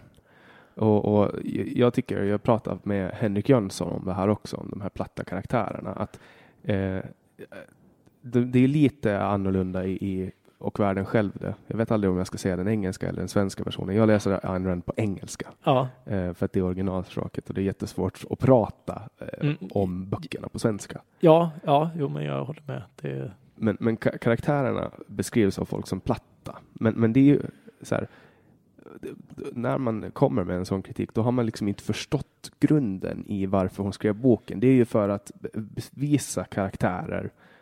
Alltså det är ju en form av mm. karikatyr av den perfekta människan. Howard Rourke är ju hennes idealmänniska mm. i en historia. Ja, alltså, och jag tycker eh, alltså bara, bara jämförelsen The Fountainhead, alltså det är idealtyper, alltså det är ganska ryskt att, att, eh, att, att ha karaktärer som idealtyper som är, som är liksom väldigt idealiserade och, eh, och liksom den som vill ha komplex och detaljer Eh, och, och, och, svett och blod och social realism, de, de, de kommer inte gilla Rand. Eh, alltså, men det är ju en, det är en annan författartyp liksom. Eh, sen kan jag också, alltså eh, jag eh, tycker att The Fountainhead är en bättre bok rent litterärt sett än Och världen själv. Det är ju liksom hennes magnum opus över det stora skeendet liksom och, och, och, att skapa en plott som gör det till en bladvändare över så många sidor och sådär. Det är ju det är ju ingen liten författarpresentation. Att, att liksom presentera grunderna till en hel filosofi över hundra sidor, bara att kunna kondensera det på runt hundra sidor. Var det hennes mål att göra, alltså, eller blev, tror du att det bara blev så att hon så här kom på att oj, nu håller jag på att introducera en filosofi? Eh, det var hon ju hela tiden. Alltså det, eh, och hon ändrade sig rätt mycket. Alltså när, när hon kommer till, till USA i den första, hon köper alla böcker av Friedrich Nietzsche eh, som, eh, som hon färgas en hel del av men som hon också liksom befriar sig ifrån med tiden. Hon eh, skämdes ju över att hon hade ett Nietzsche-citat. Ja, ja, men alltså hon, eh, hon, hon eh, och det, det, märks en förändring i det här liksom. Där, därför att hon blir mer liksom, han var ju mycket liksom känsla Eh, Eh, för, för de riktigt stora så är det känslan ändå liksom sådär. Eh, och hon var ju rakt på förnuftet. Eh, och en intressant sak är att alltså i hennes tidigare mer nietzscheanska fas så hittar du en oerhört stor ömhet och sympati för människor som det har gått snett för, som liksom brutits ner av samhället. Alltså du hittar karaktärer som är sympatiska, som har liksom blivit alkoholiserade eller misslyckade eller brutits ner för att de brutit mot samhällets normer. Du hittar liksom en, en enorm ömhet gentemot avvikarna som, som inte alls behöver vara starka i alla avseenden. Utan, typ den här utan, skulptören utan just... som försökte skjuta Ellsworth Tui, vad han hette nu Ja, eh, Stephen Mallory. Mallory eh, jo, men du har ju även eh, Henry Cameron, eh, byggaren som Rourke lär sig av. Ja. Uh, och, och du har små karaktärer. En av, dem, så... en av dem som han bygger hus åt uh, så är det liksom en, en alkoholiserad och nedbruten son som flyttar in i det här huset ja. och älskar det i hemlighet liksom och sådär. Den typen och han av... Med te, han här också som var partner i eh, Frank Hire hette han. Ja. Som, som visade sig att han hade eh, testamenterat till Peter Keating. Ja. Efter att han hade dödat honom. Jag behöver inte spoila. Nej, kanske inte spoila, men jag tror inte att de kommer att hänga med ändå. ja, ja nej, men, nej, men det finns eh, det finns ju och, och tittar du på hennes första uh, With the Living, de levande, så är ju ingen av karaktärerna där rent ond eller goda. De är ju, där har du ju liksom väldigt komplexa karaktärer och, och också liksom ett oerhört sympatiskt porträtt av en kommunist. Mm. Vilket ju liksom inte, alltså Rand var ju verkligen brinnande antikommunist, men hon presenterar verkligen kommunismens bästa personer och visar liksom På vardagshjältarna typ. Ja. Ja, men också förståelsen för, alltså du får en perfekt förståelse för varför Andrei Taganov Eh, som växer upp i Ryssland liksom under mycket enkla förhållanden tror på revolutionen och, eh, och dess möjligheter och varför han, eh, han ganska länge kan, kan, kan tro på det. Och det är liksom också en förmåga att skildra liksom andras ståndpunkter som många inte har Eh, gett Rand erkännande för. Men sen då när hon samlar liksom sin eh, i, i och världen själv så blir det ju liksom polariserat lite grann på Alltså det är lite grann handlingen som kräver det därför, därför att det blir liksom en, en uppdelning som liksom en nödvändig del av dramaturgin i ett samhälle som är som ställer liksom saker på sin spets som är på väg att rasa ihop och ingen vet riktigt varför. Eh, och, eh, och, och liksom frågan är liksom vad, vad beror krisen på och sådär och, och eh, då ställs frågan på sin spets och då är det klart, liksom, då blir det ju ett bra och ett dåligt lag. Och sen, sen har hon ju då, det kan man ju ha synpunkter på, liksom, hon gör ju också eh, i den boken, till skillnad från de tidigare, alltså Howard Rourke är inte snygg i, i liksom en snygg bemärkelse. Alltså han är inte attraktiv i alla läger. Nej, och han är också, han är också rödhårig, han är ja. avvikande liksom. Ja, precis. Mer, mer liksom så här avvikande än, men, men liksom i i eh, Och världen själv så gör hon ju liksom väldigt många av sina goda karaktärer också snygga och det här retar ju gallfeber på, på folk liksom. Men... Ja, John, John Galt är ju perfekt liksom. Det måste jag mm. kanske klippa bort för man får inte reda på vem John Galt är förrän i slutet på, på boken. Men, mm. men ja. många karaktärer är liksom, eh, så, hon beskriver dem som grekiska gudar. Ja, jo, ja, men det, och, och det är hennes skönhetsideal liksom sådär med, med liksom tydliga, eh, tydliga drag och, och sånt där. Liksom ganska svultna eh, i ansiktet. Liksom. Jag tror att om hon skulle vara aktiv idag så skulle hon eh, skriva typ 50 shades of Grey. Då tror jag, jag tror att sexscenerna skulle vara betydligt mer ingående än vad de är nu. Ja, jo, jo, men alltså det, det fanns ju liksom ett sånt drag där som hon var väldigt ogenerad med och det var ju liksom också en, en sån sak, alltså hon eh, eh hon gick igång på sånt och tyckte inte att det var något att skämmas för. Uh, vilket ju är helt rimligt. Men uh, alltså på 20-talet, ja, 30-talet? Ja, ja, precis. Liksom. Och, och, hon var ju väldigt modern i det och, och liksom också i att, att, att göra något. Alltså hon gjorde ju något filosofiskt också av det. Alltså, ja, de är snygga och det är inte irrelevant. Alltså ska du ha perfektion, så, alltså om du fick välja något perfekt så får du gärna vara snyggt också. Mm. Uh, alltså varför inte? Uh, det, det är liksom ingen... Uh, hon för, precis som hon förkastade liksom distinktionen mellan kropp och själ så förkastar hon liksom den här distinktionen att ja, om jag bryr, bryr mig om hur jag ser ut så, så är det ytligt liksom. Nej, det kan väl också vara relevant. Det är också trevligt. Det är också en del av, av liksom en, en trivsam, nöjsam tillvaro på jorden. Också det enkla kan vara liksom betydelsefullt, fascinerande och, och berikande på sätt eh, som har en filosofisk innebörd. Och det här det här har ju liksom fått erkännande senare, liksom mycket annat som hon drar. Hon drar ju upp stora drag som liksom eh, att, att den industriella revolutionen är, är väldigt betydelsefull och det är välstånd som tar fart därefter.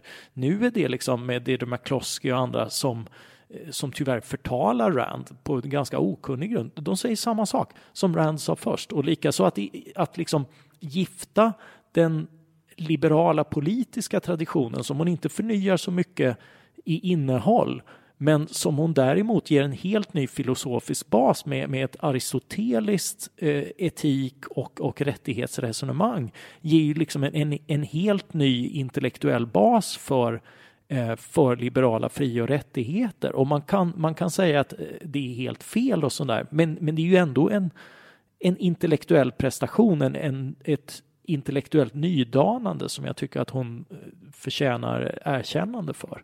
Och hon, det är väldigt många som, som helt enkelt skiter på henne eh, och trycker ner henne liksom. Det finns till och med massa skämt Eh, alltså det finns typ massa Ayn Rand-skämt också. Ja, ja, ja, ja. Och, och, och en, del, en del av dem är rätt roliga. Alltså den här med Tolkien och Rand var liksom, ja, det, det är liksom en bok för tonåringar och, och sånt där liksom. Och, ja, den andra har förstås orker också. Så bara, ja. aha, det var Rand liksom. Ja, och sen, och sen finns ju också eh, en, en som är typ, nu, nu, alltså det är typ så här tre stycken. Det är eh, Ayn Rand, eh, Milton Friedman och typ Mary Rothbard eller någon som går in på en bar uh, och så beställer de alkohol och de lever då i ett Ayn Rand-fritt samhälle och alla dör för att det finns inga regleringar. Och det ska också vara ett skämt liksom. det, är ju, det är ju roligt för att det är så jävla dumt. ja, men typ det är så här, jag vet inte, jag, jag, jag bara liksom tog det, det är ja. typ men det är så här, det är så här ny, nyliberala personer ja. som går in. Ja, men det är, det är liksom så här. Eh, det, det, det finns ett väldigt vanligt intellektuellt misstag som är att man tror att ens meningsmotståndare tycker motsatsen mot vad, vad man själv gör. Det är väldigt sällan sant. Mm. Uh, alltså, det, för mig är frihet viktigast. Det, det är liksom kardinalvärdet inom eh, politik. Och socialister är mina totala motståndare. Alltså tenderar jag att projicera på socialister att de vill ha total ofrihet. Och jag, jag tror att det, det, renas, eller liksom, det finns rätt goda skäl för att det, det rena socialistiska samhället inskränker oerhört många friheter. Men, men det är fel av mig att tillskriva socialister motivet att, mm. att vilja ha den totala ofriheten, för det vill inte de flesta. Uh, de, de, det är bara så det att de har ett annat kardinalvärde, jämlikheten. Och på samma sätt tenderar de liksom sådär, ja jag är social, jag vill ha total jämlikhet. Och den där jävla liberalen är min motsats. Alltså vill han ha ojämlikhet. Han tycker det är bra. Han tycker att ju mer desto bättre. Mm. Uh, och det där finns, jag menar invandringsdebatten är ju typiskt liksom så här, ja, jag är emot invandring. Du är för. Alltså tycker du att Kvinnor ska få all, våldtas och Ja, ja men också liksom så här, alla människor ska komma hit och de ska mm. uppmuntras till det. Och det alltså, alltså liksom så här, ju fler som är på flykt desto bättre och alla ska komma till Sverige. Det vill du ha, för det är motsatsen till vad jag tycker. Mm. Och, och det där, på så sätt luras vi ofta att skapa fiendebilder som inte är eh, särskilt sanna. Tycker du att samhället är mer polariserat idag än vad det har varit de senaste man, 20 åren. Liksom. Man ska akta sig för, för den typen av slutsatser. Alltså det, det, det, den som tror att 50-talet eller 70-talet eller 80-talet var, var liksom artigt och trevligt har inte varit där. Um, och um, det fanns, uh, så, så jag tror mycket handlar om vad vi möter i, i medier och sådär. Sen Eh, utan, men det som händer är att när, när en viss typ av respons kan interagera så blir den en annan politisk kraft än när den inte kan det. Eh, om du tittar på den gamla liksom trattmedia-modellen. Eh, jag, jag satt någon, någon sommar i början av 2000-talet på Svenskan och Eh, och då hörde jag liksom insändarredaktörens lakoniska eh, konversationer då liksom sådär. Och det var väldigt ofta, nej men jag tyckte inte att det var rimligt att likna Gudrun Schyman med de tyska nationalsocialisterna och sådär liksom. Ja men folk som liksom hade, hade sina idéer och sådär liksom. Och de, de kom ju ofta inte längre. Alltså väldigt mycket av, av de idéer vi ser liksom formas på att stå upp för sidor och sånt där liksom. De fanns där ute då också. jag menar, det, fanns jävligt mycket märkligt kring Palmehatet till exempel. Det var oerhört intensivt känt hos, hos många och det, det var ju liksom både så här roliga uttryck som karikatyrer och annat. Liksom. Folk avskydde Palme för att han stod för saker och var, var liksom en, en lögnare och sådär. Liksom. Det är väl okej, okay, men det tog sig ju också många sjuka och, och, och, ganska vidriga uttryck. Eh, förstås liksom det vidrigaste av allt när han blev, när han blev mördad. Liksom. Mm. Men, eh, men det fanns och, och frodades liksom. Eh, och eh, på, på, ett sätt som kanske snarare liksom modererats efter två mord på prominenta politiker. Att, att folk liksom, nej men vänta, riktigt så här eh, gör vi inte. För de flesta är ju överens om att, eh, att samhället är kallare och hårdare idag. Alltså jag tänker på debattklimatet. Ja, ja, ja men alltså det är ju också liksom så att du konfronteras med mycket mer sånt uh, idag. Eh, Friktionsytan uh, är ja, större också. Ja, ja alltså vi, vi trängs med, alltså ta en sån sak som folk sa tidigare. Jag, vi pratar inte politik i vår familj. Mm. Uh, väldigt vanlig liksom sån här uppfattning och, och, och hållningssätt eh, sådär liksom i, i generationerna före mig och sådär. Är du ute i sociala medier är det svårt att undvika. Mm. Eh, därför att där pågår det hela alltså det, det, är så mycket trängre, du kommer att möta så mycket mer. Eh, och, och liksom också hur vi hanterar, jag, jag har ju för min del gjort liksom väldigt mycket av misstagen eh, när internet kom, när man började posta, man, man satt och tryckte sänd på mejllistor och sånt där, då var det ofta jag lärde mig den hårda vägen liksom eh, att, att man hade för nära att liksom missförstå, skälla ut folk, kalla dem saker som inte var liksom som man ångrade sen och sådär liksom. Eh, och det lärde man sig efter ett tag. Liksom. Lugna ner dig innan du trycker på sänd och sådär. Nu har du ju liksom, eh, och det är det vi ser, det är inte ungdomar som beter sig värst. Utan det är, det är ju liksom, det är äldre liksom. Ja. Och det är, äldre, det, är, det är de som är 20-30 år äldre än jag som kommer ut på nätet och liksom tror att det är deras vardagsrum. Mm. Där, de, där de sitter och uttrycker sig som de gör efter, efter en fredagsgrogg. Um, och liksom sån här utan mening liksom. För du kan ju också sitta och säga jävligt dumma saker om, om någon på tv när, när det liksom Ja, ja, när ingen hör. Ja, när ingen hör eller när bara nära hör och sådär. Eller liksom. skoja liksom. om droger ja. när man tror att man är i safe space. Ja, ja. Uh, och ja, och eh, alltså väldigt mycket av premissen för humor är ju liksom vilka är med. Mm. Uh, alltså det, är, det är en annan sak, men liksom sådär, du, du yttrar dig om någonting och så tänker du inte på att det här inte bara når ut i allmänhet utan det når fram till folk. Liksom. Det, det når den här personen när, när han ska liksom natta sina ungar. Eller så det, och då blir det ju liksom, det gör ju saker med en att få höra sånt. För det, ja, och, och, och, för många avsändare var det förmodligen inte meningen och andra har upptäckt liksom att det här är ett strategiskt vapen. Mm. Om vi kör på så här så kan vi tysta våra meningsmotståndare och det är ju liksom det vi ser med med liksom hat, deplattformering och sånt där, att man gör strategi av. Jag har blivit deplattformerad. Ja, från? Från Spotify. Det var ett avsnitt ja. som togs ner efter en massanmälning. Ja, ja, ja. Och det var ju, alltså, det var ju typ jättebra för mig. Alltså, för, för, att det väckte ju massa upprörda känslor. Ja. Uh, men, men du har skrivit flera böcker och mm. de flesta är inriktade på Eh, på staten. Du fokuserar mycket på, på stat eh, och politik.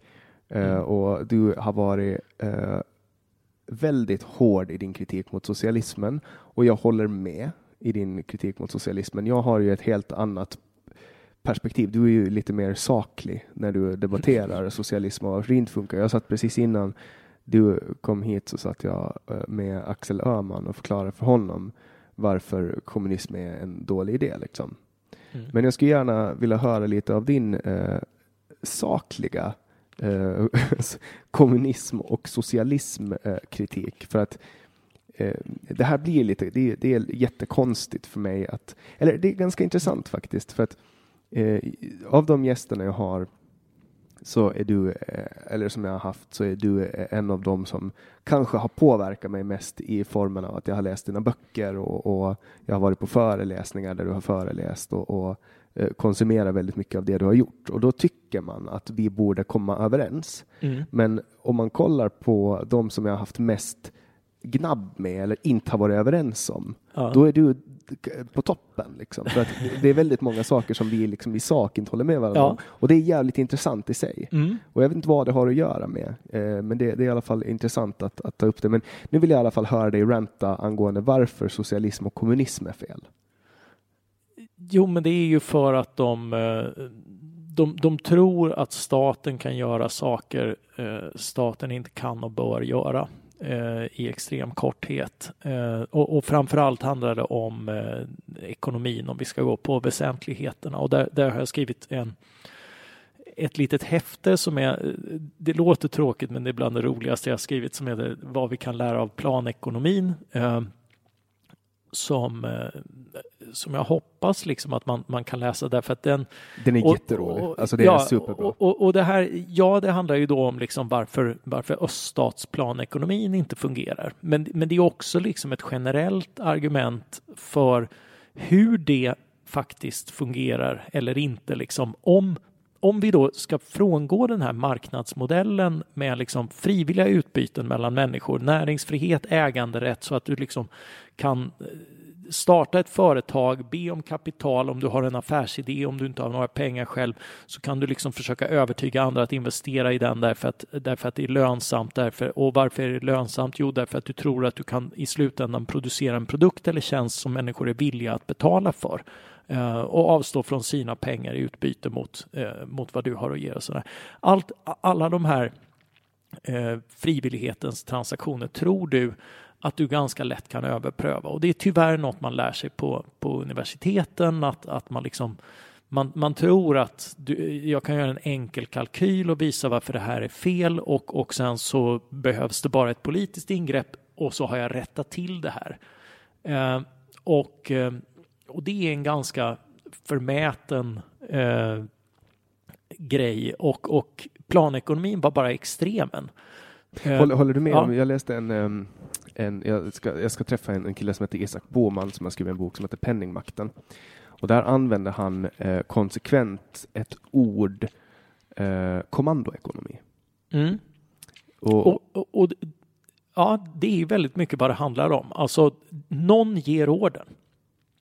Och det här hade en massa konsekvenser som man inte hade förväntat sig. Alltså, det var ju dels det att man aldrig kunde liksom få de konsekvenser man förväntar sig av det här. Liksom. Och om du avskaffar marknader så innebär det att någon, någon måste sitta med uppdraget att planera hur mycket behövs och, och väga det mot andra behov och sådär. Liksom. Och, och just i och med att det måste alltid vägas mot andra behov innebär att allt kommer att flyttas, alla beslut i en sån organisation kommer att flyttas uppåt i hierarkin för att någon måste sitta och avgöra i slutändan. Nej, men det blir, det går till de här behoven och inte till de här. Vi kommer att bygga bomber och traktorer och inte hus, liksom sådär. Eller, eller vad det nu går till eh, och vad det inte går till. Eh, och då kan du inte ha hur mycket som helst att röra dig med. Innovation blir bara jobbigt därför att det handlar om att, ställa om produktionen igen. Folk slutar ta hand om grejerna de har.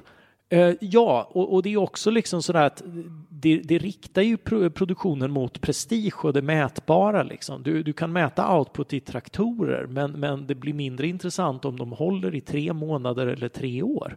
Mm. Um, och uh, reservdelar till exempel. All, allt sånt som man inte tänkte på, kullager och annat försvann liksom i, i planekonomin och man kunde inte bestämma hur mycket spik man skulle ha därför att beställde du liksom i ton så fick du ju då stora spikar. Ja. Uh, och, och, och, beställde du då i antal så fick du små istället. uh, och uh, och bad du folk att variera så, så ville de ha en siffra på exakt hur varierat Det skulle funkar vara. inte på hur man än vrider och vänder på det. Att Det, det, det, det, det är ju snarare, du får precis vad du vill ha. Det är precis som Midas liksom, när han ska, när han ska eh, få välja liksom, och han säger att allt han rör vid blir till guld. Liksom. Du, du får exakt det du vill ha och, och det är ofta inte vad du vill ha. Du vill bli överraskad, du vill att folk ska liksom eh, producera något som, eh, som är bra, som, som du tycker är bra, som du tror att folk eh, tycker är bra. Men, men det blir liksom precis tvärtom därför att beställaren är uppåt i hierarkin. Och det var precis det här som var det stora sveket därför att det här innebar ju, någon hamnade längst upp. Och vilka hamnade längst ner? Vilka hamnar alltid längst ner i en hier- hierarki Arbetarna. som styrs uppifrån? Ja, de som ska utföra själva jobbet. Allt det som socialister genom tiderna har projicerat på kapitalismen, att det är löneslaveri och annat, liksom så här, människor är alienerade och sådär, liksom. Det finns inget så alienerat som en arbetare i en planekonomi. För där krävde, där hade ni till och med skammen att kräva att, att den här stackars underordnade människan som inte fick bestämma var han fick bo, vad han fick jobba med någonting, skulle dessutom vara glad över detta och inspireras av de, de stora produktionsmålen och annat. Därför att så mycket annat fanns inte att fylla livet med. Alltså, eh, den här underordningen som sker i en kommandoekonomi där till och med människor är, är liksom utbytbara kuggar i systemen. Det är en ofrånkomlig del av att planera en ekonomi snarare än att låta den styra sig själv. Att göra en människa ansvarig för beslut om hur mycket folk ska tjäna, om vad saker ska kosta och sådär. Alltså, utöver att det inte funkar rent marknadsmässigt så skapar det liksom ett ett extremt hierarkiskt samhälle, just som du säger, en, en kommandoekonomi och där kommer ett litet fåtal att ha kommandot. Resten har bara att lyda. Och visst är det ju ett bättre ord att använda kommandoekonomi. Därför tar man ordet planekonomi, det handlar ju om att den är planerad, men, men ett plant ledarskap till exempel, Mm. det är ju att man att alla får vara med och bestämma, eller ett platt ledarskap. Mm. Eh, Så att jag tror att det, alltså planekonomi borde alltså få folk att reagera lite hårdare än vad det gör och därför kanske kommandoekonomi är ett bättre ord att använda. Det är mer rimligt. Ja, ja.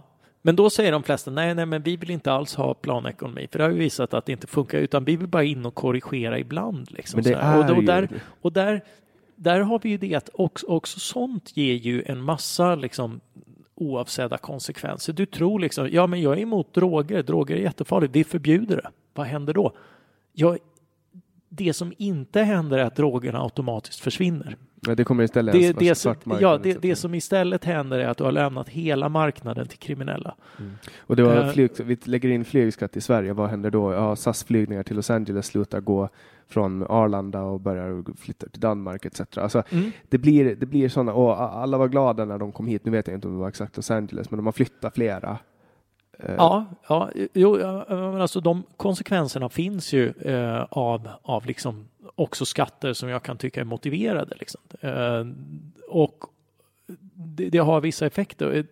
En, en sån här intressant grej var ju liksom de här eh, från alkoholpolitiken var ju, man, man ville liksom att folk skulle, arbetarna skulle gå på krogen och kunna få ett rejält mål med mat, men de borde inte dricka så mycket och Vad därför gör måste vi? man Vad beställa. vi? Vi, la, vi lagstiftar om ett maximalt antal supar som man serveras bara om man äter mat. Då borde vi få precis den här utkomsten, eller hur? Och så, märk, så bara noterar man, oj, det blev inte alls så. Eh, och det är inte självklart, liksom så här, men det är en väldigt intressant lektion i hur, hur politik inte funkar, varför det inte blev så. Men det har väl Därför också kommit så här kulturella grejer som har uppstått på grund av att man måste beställa mat för att få dricka. Ja, alltså det här är ju jätteintressant för vad som hände då var ju liksom att den billigaste rätten på menyn fick en massa namn, bångrest, restriktionsrätt och annat liksom sån här. Eh, en, en vanlig beställning var två vita, en brun, La Paloma och notan. Och det var ju då två spritsupar och en brun, alltså en konjak till kaffet. Eh, La Paloma var då den obligatoriska rätten som liksom en duva flög in och ut mellan köket och serverades om och om igen. Och det var någonting alltså, riktigt enkelt, typ en korv eller någonting. Ja, ja, det var det enklast möjliga som var godkänt som mat. Alla soppor var inte godkända. Några var det, några var inte det. Eh, en korv behövde nog serveras med potatismos i alla fall och, och någonting till pyttipanna. Eh, så här, ja, men husmans stor kost av olika slag. Eh, eh, men det kunde också vara liksom smörgåsreliefer och annat liksom, som man bara bar in och ut. Liksom. Därför att beställde du det billigaste eh, rätten på en eh, meny så räknade man mer eller mindre med att du inte skulle äta. Eh, och så var det inte överallt utan man noterade ju liksom att ställen som då serverade riktig mat, eh, också den billigaste maten, det fanns sådana. Eh, dit gick ju folk och faktiskt åt upp maten. Och de fick sälja lika mycket mat och lika mycket sprit som de andra. Så alltså, de hade samma intäkter men högre omkostnader. Så de gjorde ju mindre vinst. Så du tjänade alltså på att ha dålig mat eh, som, som den billigaste rätten. Mm. Helt tvärtom från hur ja, det ska där- vara. Där, därför, därför att då kom folk dit för att dricka och skickade ut den där maten igen. Eh, och eh, så du fick ett incitament, alltså allting inriktades, återigen, du har kommandoekonomins exempel, att det viktigaste var att lyda eh, alla order uppifrån staten och se till att spriten, spritserveringen följde formalia till punkt och pricka. Eh, därför att annars rök tillståndet och då var du liksom out of business. Det näst viktigaste var liksom att, att få någon form av intäkter och det fick du ju liksom genom att inte vara intresserad av maten. Eh, så du hade liksom en, en restaurangkultur som fullkomligt förföll. Eh, extremt påver och du hade en kultur av att liksom mästra med dina kunder därför att det var, de kom ju i vilket fall därför att det var ransoner eh, fler fick inte tillstånd så, så eh, krogarna blev, de krogarna var kvar och stadsbefolkningen växte så kunder hade du alltid i alla fall. Ja, om alla, alla duktiga kockar, deras kunskaper behövdes inte längre. Nej, alltså det, det fanns ju liksom första klasskrogar och sånt där. Där behövde du kanske vara, vara lite skickligare och skarpare sådär liksom. Men, men, men vanliga krogar för vanligt folk behövde du inte det. Eh, därför att de kom i alla fall och det var inte sällan staten drev alla möjliga krogar och så hade de intäkterna på de här enkla ställena och så subventionerade de maten för, för andra och första klass gäster. Eh, typ sån här utsugning av arbetarklassen. Och alla de här restriktionerna eh, som sades vara i arbetarnas intresse och handlade om att liksom få, få eh, arbetare, för det var de man var oroad för, eh, skulle eh, dricka för mycket och äta för lite ledde till att deras mat blev sämre och det enda man gjorde på de här krogarna var att supa.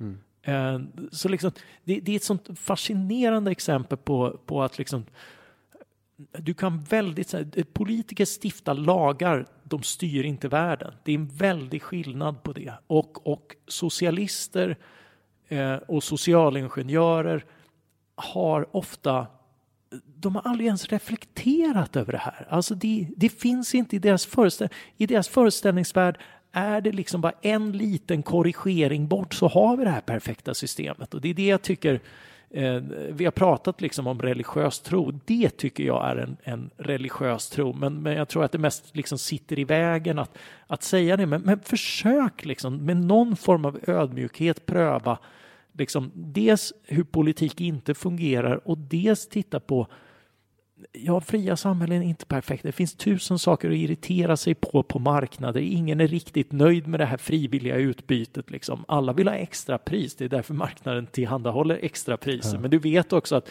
ja, varan som det är extra pris på kommer att ta slut innan veckan är slut och då eh, finns den inte alls i butiken. Men, men det är lugnt för nästa vecka är den tillbaka. Eh, I planekonomin var det extra pris jämt med resultatet att det alltid var slut.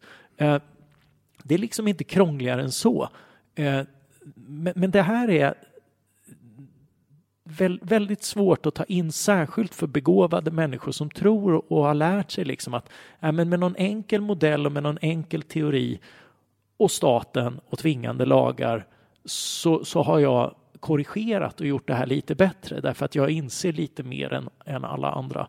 Det, det är en hybris som gör att folk får en övertro på politiken och underskattar vad, vad som skapas spontant och underifrån om man låter människor och marknader vara fria. Om, av alla de böcker du har skrivit, för du har väl skrivit kanske fem böcker, vad jag kan? Ja, det är nog fem, sex uh, uh, Mer demokrati, mindre politik, uh, Peta inte i maten, Glädjedödarna, Eh, miljöpolitik för stora moderater. Statens återkomst. Eh, den stora statens återkomst, ja. Och vad vi kan lära av planekonomi. Ja, vad vi kan lära av planekonomi är ett litet häfte. Ja, det är väl en essä? Ja, typ. ja, det är en essä. Och, alla... och, eh, och sen har jag skrivit eh, Frihandel för nybörjare med, med Fredrik Segerfeldt. Och så i, eh, i vår så kommer då, i, i juni kommer min bok Så roligt ska vi inte ha det om svensk alkoholpolitik. Och av alla de här böckerna, vilken, är, vilken känner du att det är viktigast för det svenska samhället att absorbera? Alltså, det är svårt att säga. Alltså, på ett sätt är den stora statens återkomst viktigast därför att det är liksom ett en, det är en historik över 2000-talet och, och vad, vad, som gått snett så, så den blir liksom ganska akut. Eh, miljöfrågan är förstås stor och viktig också och där finns liksom en, eh, en, en utveckling av varför man också ifrån ganska strikta liberala principer kan motivera ett visst politiskt, eh, en större roll för politiken än på många andra områden. Därför, därför att det, eh, ja, det, det, det, kan jag gå in på vid, vid tillfälle. Eh, och, eh, men, men den som ligger varmast om hjärtat är ju Glädjedödarna, en bok om förmynderi som då handlar om vardagslivets små eh, små restriktioner för vardags och nöjesliv och sånt där. Därför att eh, ja, sånt är jag uppvuxen med och jag tror att det har större roll än man tänker på just de här de här små restriktionerna för livets eh, små glädjeämnen som sammantaget gör, gör ganska mycket. Eh, och eh, det, det, är en sån sak som är underskattad att, Eh, att fria samhällen just har sånt. Att, att liksom vi är fria att välja nöjen och annat. Därför att alla andra ideologier kan säga att liksom, ja, men vi står ännu mer för liksom det rationella eh, och, och produktiva. Liksom. Och, och, vi kan säga att det, det moraliska och etiska, liksom, mångfalden, där, det, vi kan förbättra den och sånt där. Om ni bara gör avkall på er personliga lycka. Mm. Eh, för den ska komma i framtiden. Den kommer i utopin. Det är då liksom sådär. Alltså Marx och socialismen är återigen ett, ett typexempel. Alltså det är ofta en, en, i alla fall till hälften pricksäker samhällskritik. Alla samhällen behöver sina marxister. Vi ska bara inte ha dem vid den politiska makten. Alltså i kulturen och i samhällsdebatten behöver man ett par. Uh, där, därför att där, där har de emellanåt en pregnant samhällskritik. Och, och sen har de eh, utopin, när, när produktionsproblemet väl är löst så är Marks samhälle ganska trevligt. Det är, det är som en liksom bättre bildad semester. Liksom. Du, lite du jobbar, ja, ja, men du jobbar lite ibland, du vari, har varierande uppgifter och, och mycket egen tid. Och Alltid liksom. mat på bordet. Ja, eh, Ja, för produktionsproblemet är löst. Och sen är det ju den där lilla detaljen som planekonomin bara skulle lösa och, och som var enkel, alltså ekonomin. Eh, och, och det är ju liksom därför man aldrig kommer fram till det här marxistiska liksom, eh, lyckoriket. Men vi kommer ju liksom dit varje helg i ett kapitalistiskt samhälle med liksom en, en balans mellan arbetsliv och fritid, väldigt stor möjlighet att väljas, ex, expanderande möjligheter i, i vad man kan ta sig för, utbilda sig till, Eh, eller göra av sitt liv eh, som blir allt längre och som innehåller både, både liksom uppväxt och, och studier och pensionstid och annat. Eh, och det fina med ett fritt samhälle är att det där kan du göra lite till mans när det passar istället för att skjutas på en avlägsen framtid som förmodligen aldrig kommer. Eh, och då blir det förstås, eh, liksom, ja det kan bli för mycket tycker vissa och det borde göras avkall på tycker andra. Men, men, men liksom just de där små glädjeämnena som får livet att sprudla är viktiga än vi tänker på. När jag, när jag då skrev Glädjedödarna så eh, var min, för då var liksom en vanlig ja, är det där så viktigt då? Eh, varför håller ni på att bry er om sådana förbud och sådär liksom? Eh, och då hade jag tittat bland annat på dansbaneländet, om hur dans under 30 och 40-talet när man kan tycka att Sverige hade andra bekymmer, då bekymrade vi oss om dans. Var det ju då danstillståndet tillkom? Ju mer, eh, nej det kom faktiskt tidigare men, men eh, och dansen hade liberaliserats lite på 30-talet. Eh, vilket, eh, vilket föranledde då moralpaniken över den dans som förekom och man utredde den för att förbjuda den men det slutade på vanligt svenskt manér med en nöjesskatt.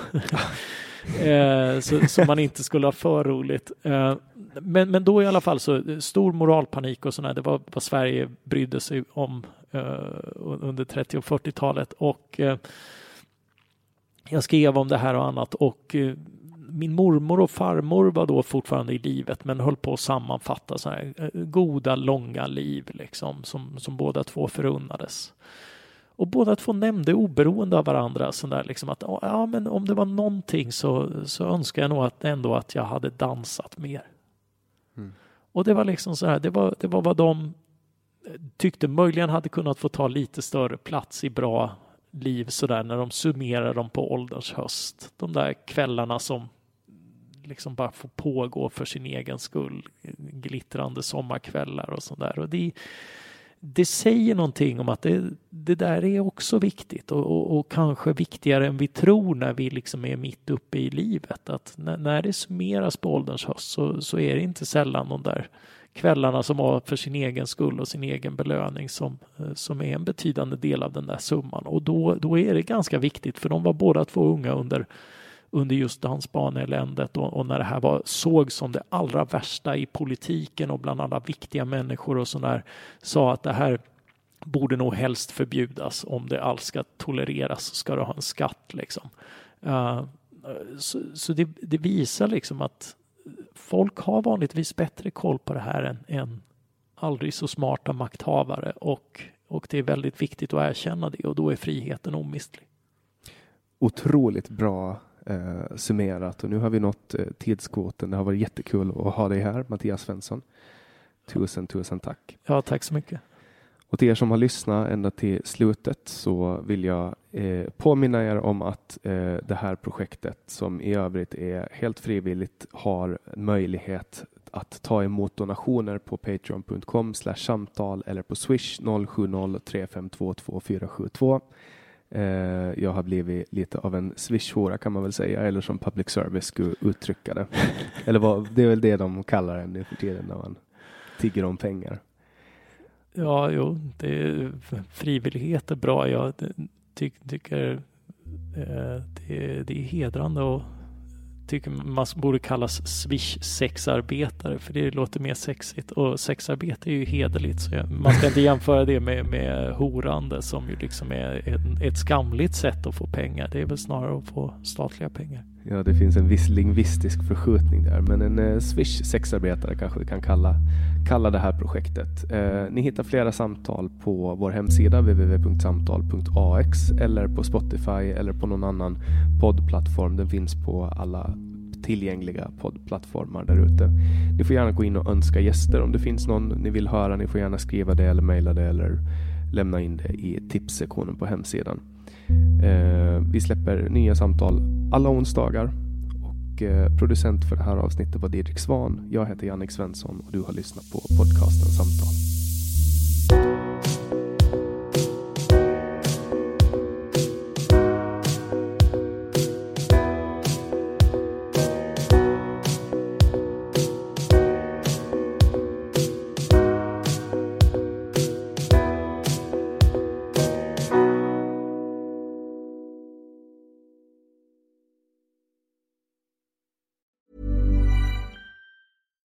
Flexibility is great. That's why there's yoga. Flexibility for your insurance coverage is great too. That's why there's United Healthcare Insurance Plans. Underwritten by Golden Rule Insurance Company, United Healthcare Insurance Plans offer flexible, budget friendly coverage for medical, vision, dental, and more. One of these plans may be right for you if you're, say, between jobs, coming off your parents' plan, turning a side hustle into a full hustle, or even missed open enrollment. Want more flexibility? Find out more about United Healthcare Insurance Plans at uh1.com. Planning for your next trip? Elevate your travel style with Quince. Quince has all the jet setting essentials you'll want for your next getaway, like European linen, premium luggage options, buttery soft Italian leather bags, and so much more. And is all priced at 50 to 80% less than similar brands. Plus, Quince only works with factories that use safe and ethical manufacturing practices. Pack your bags with high-quality essentials you'll be wearing for vacations to come with Quince. Go to quince.com slash pack for free shipping and 365-day returns.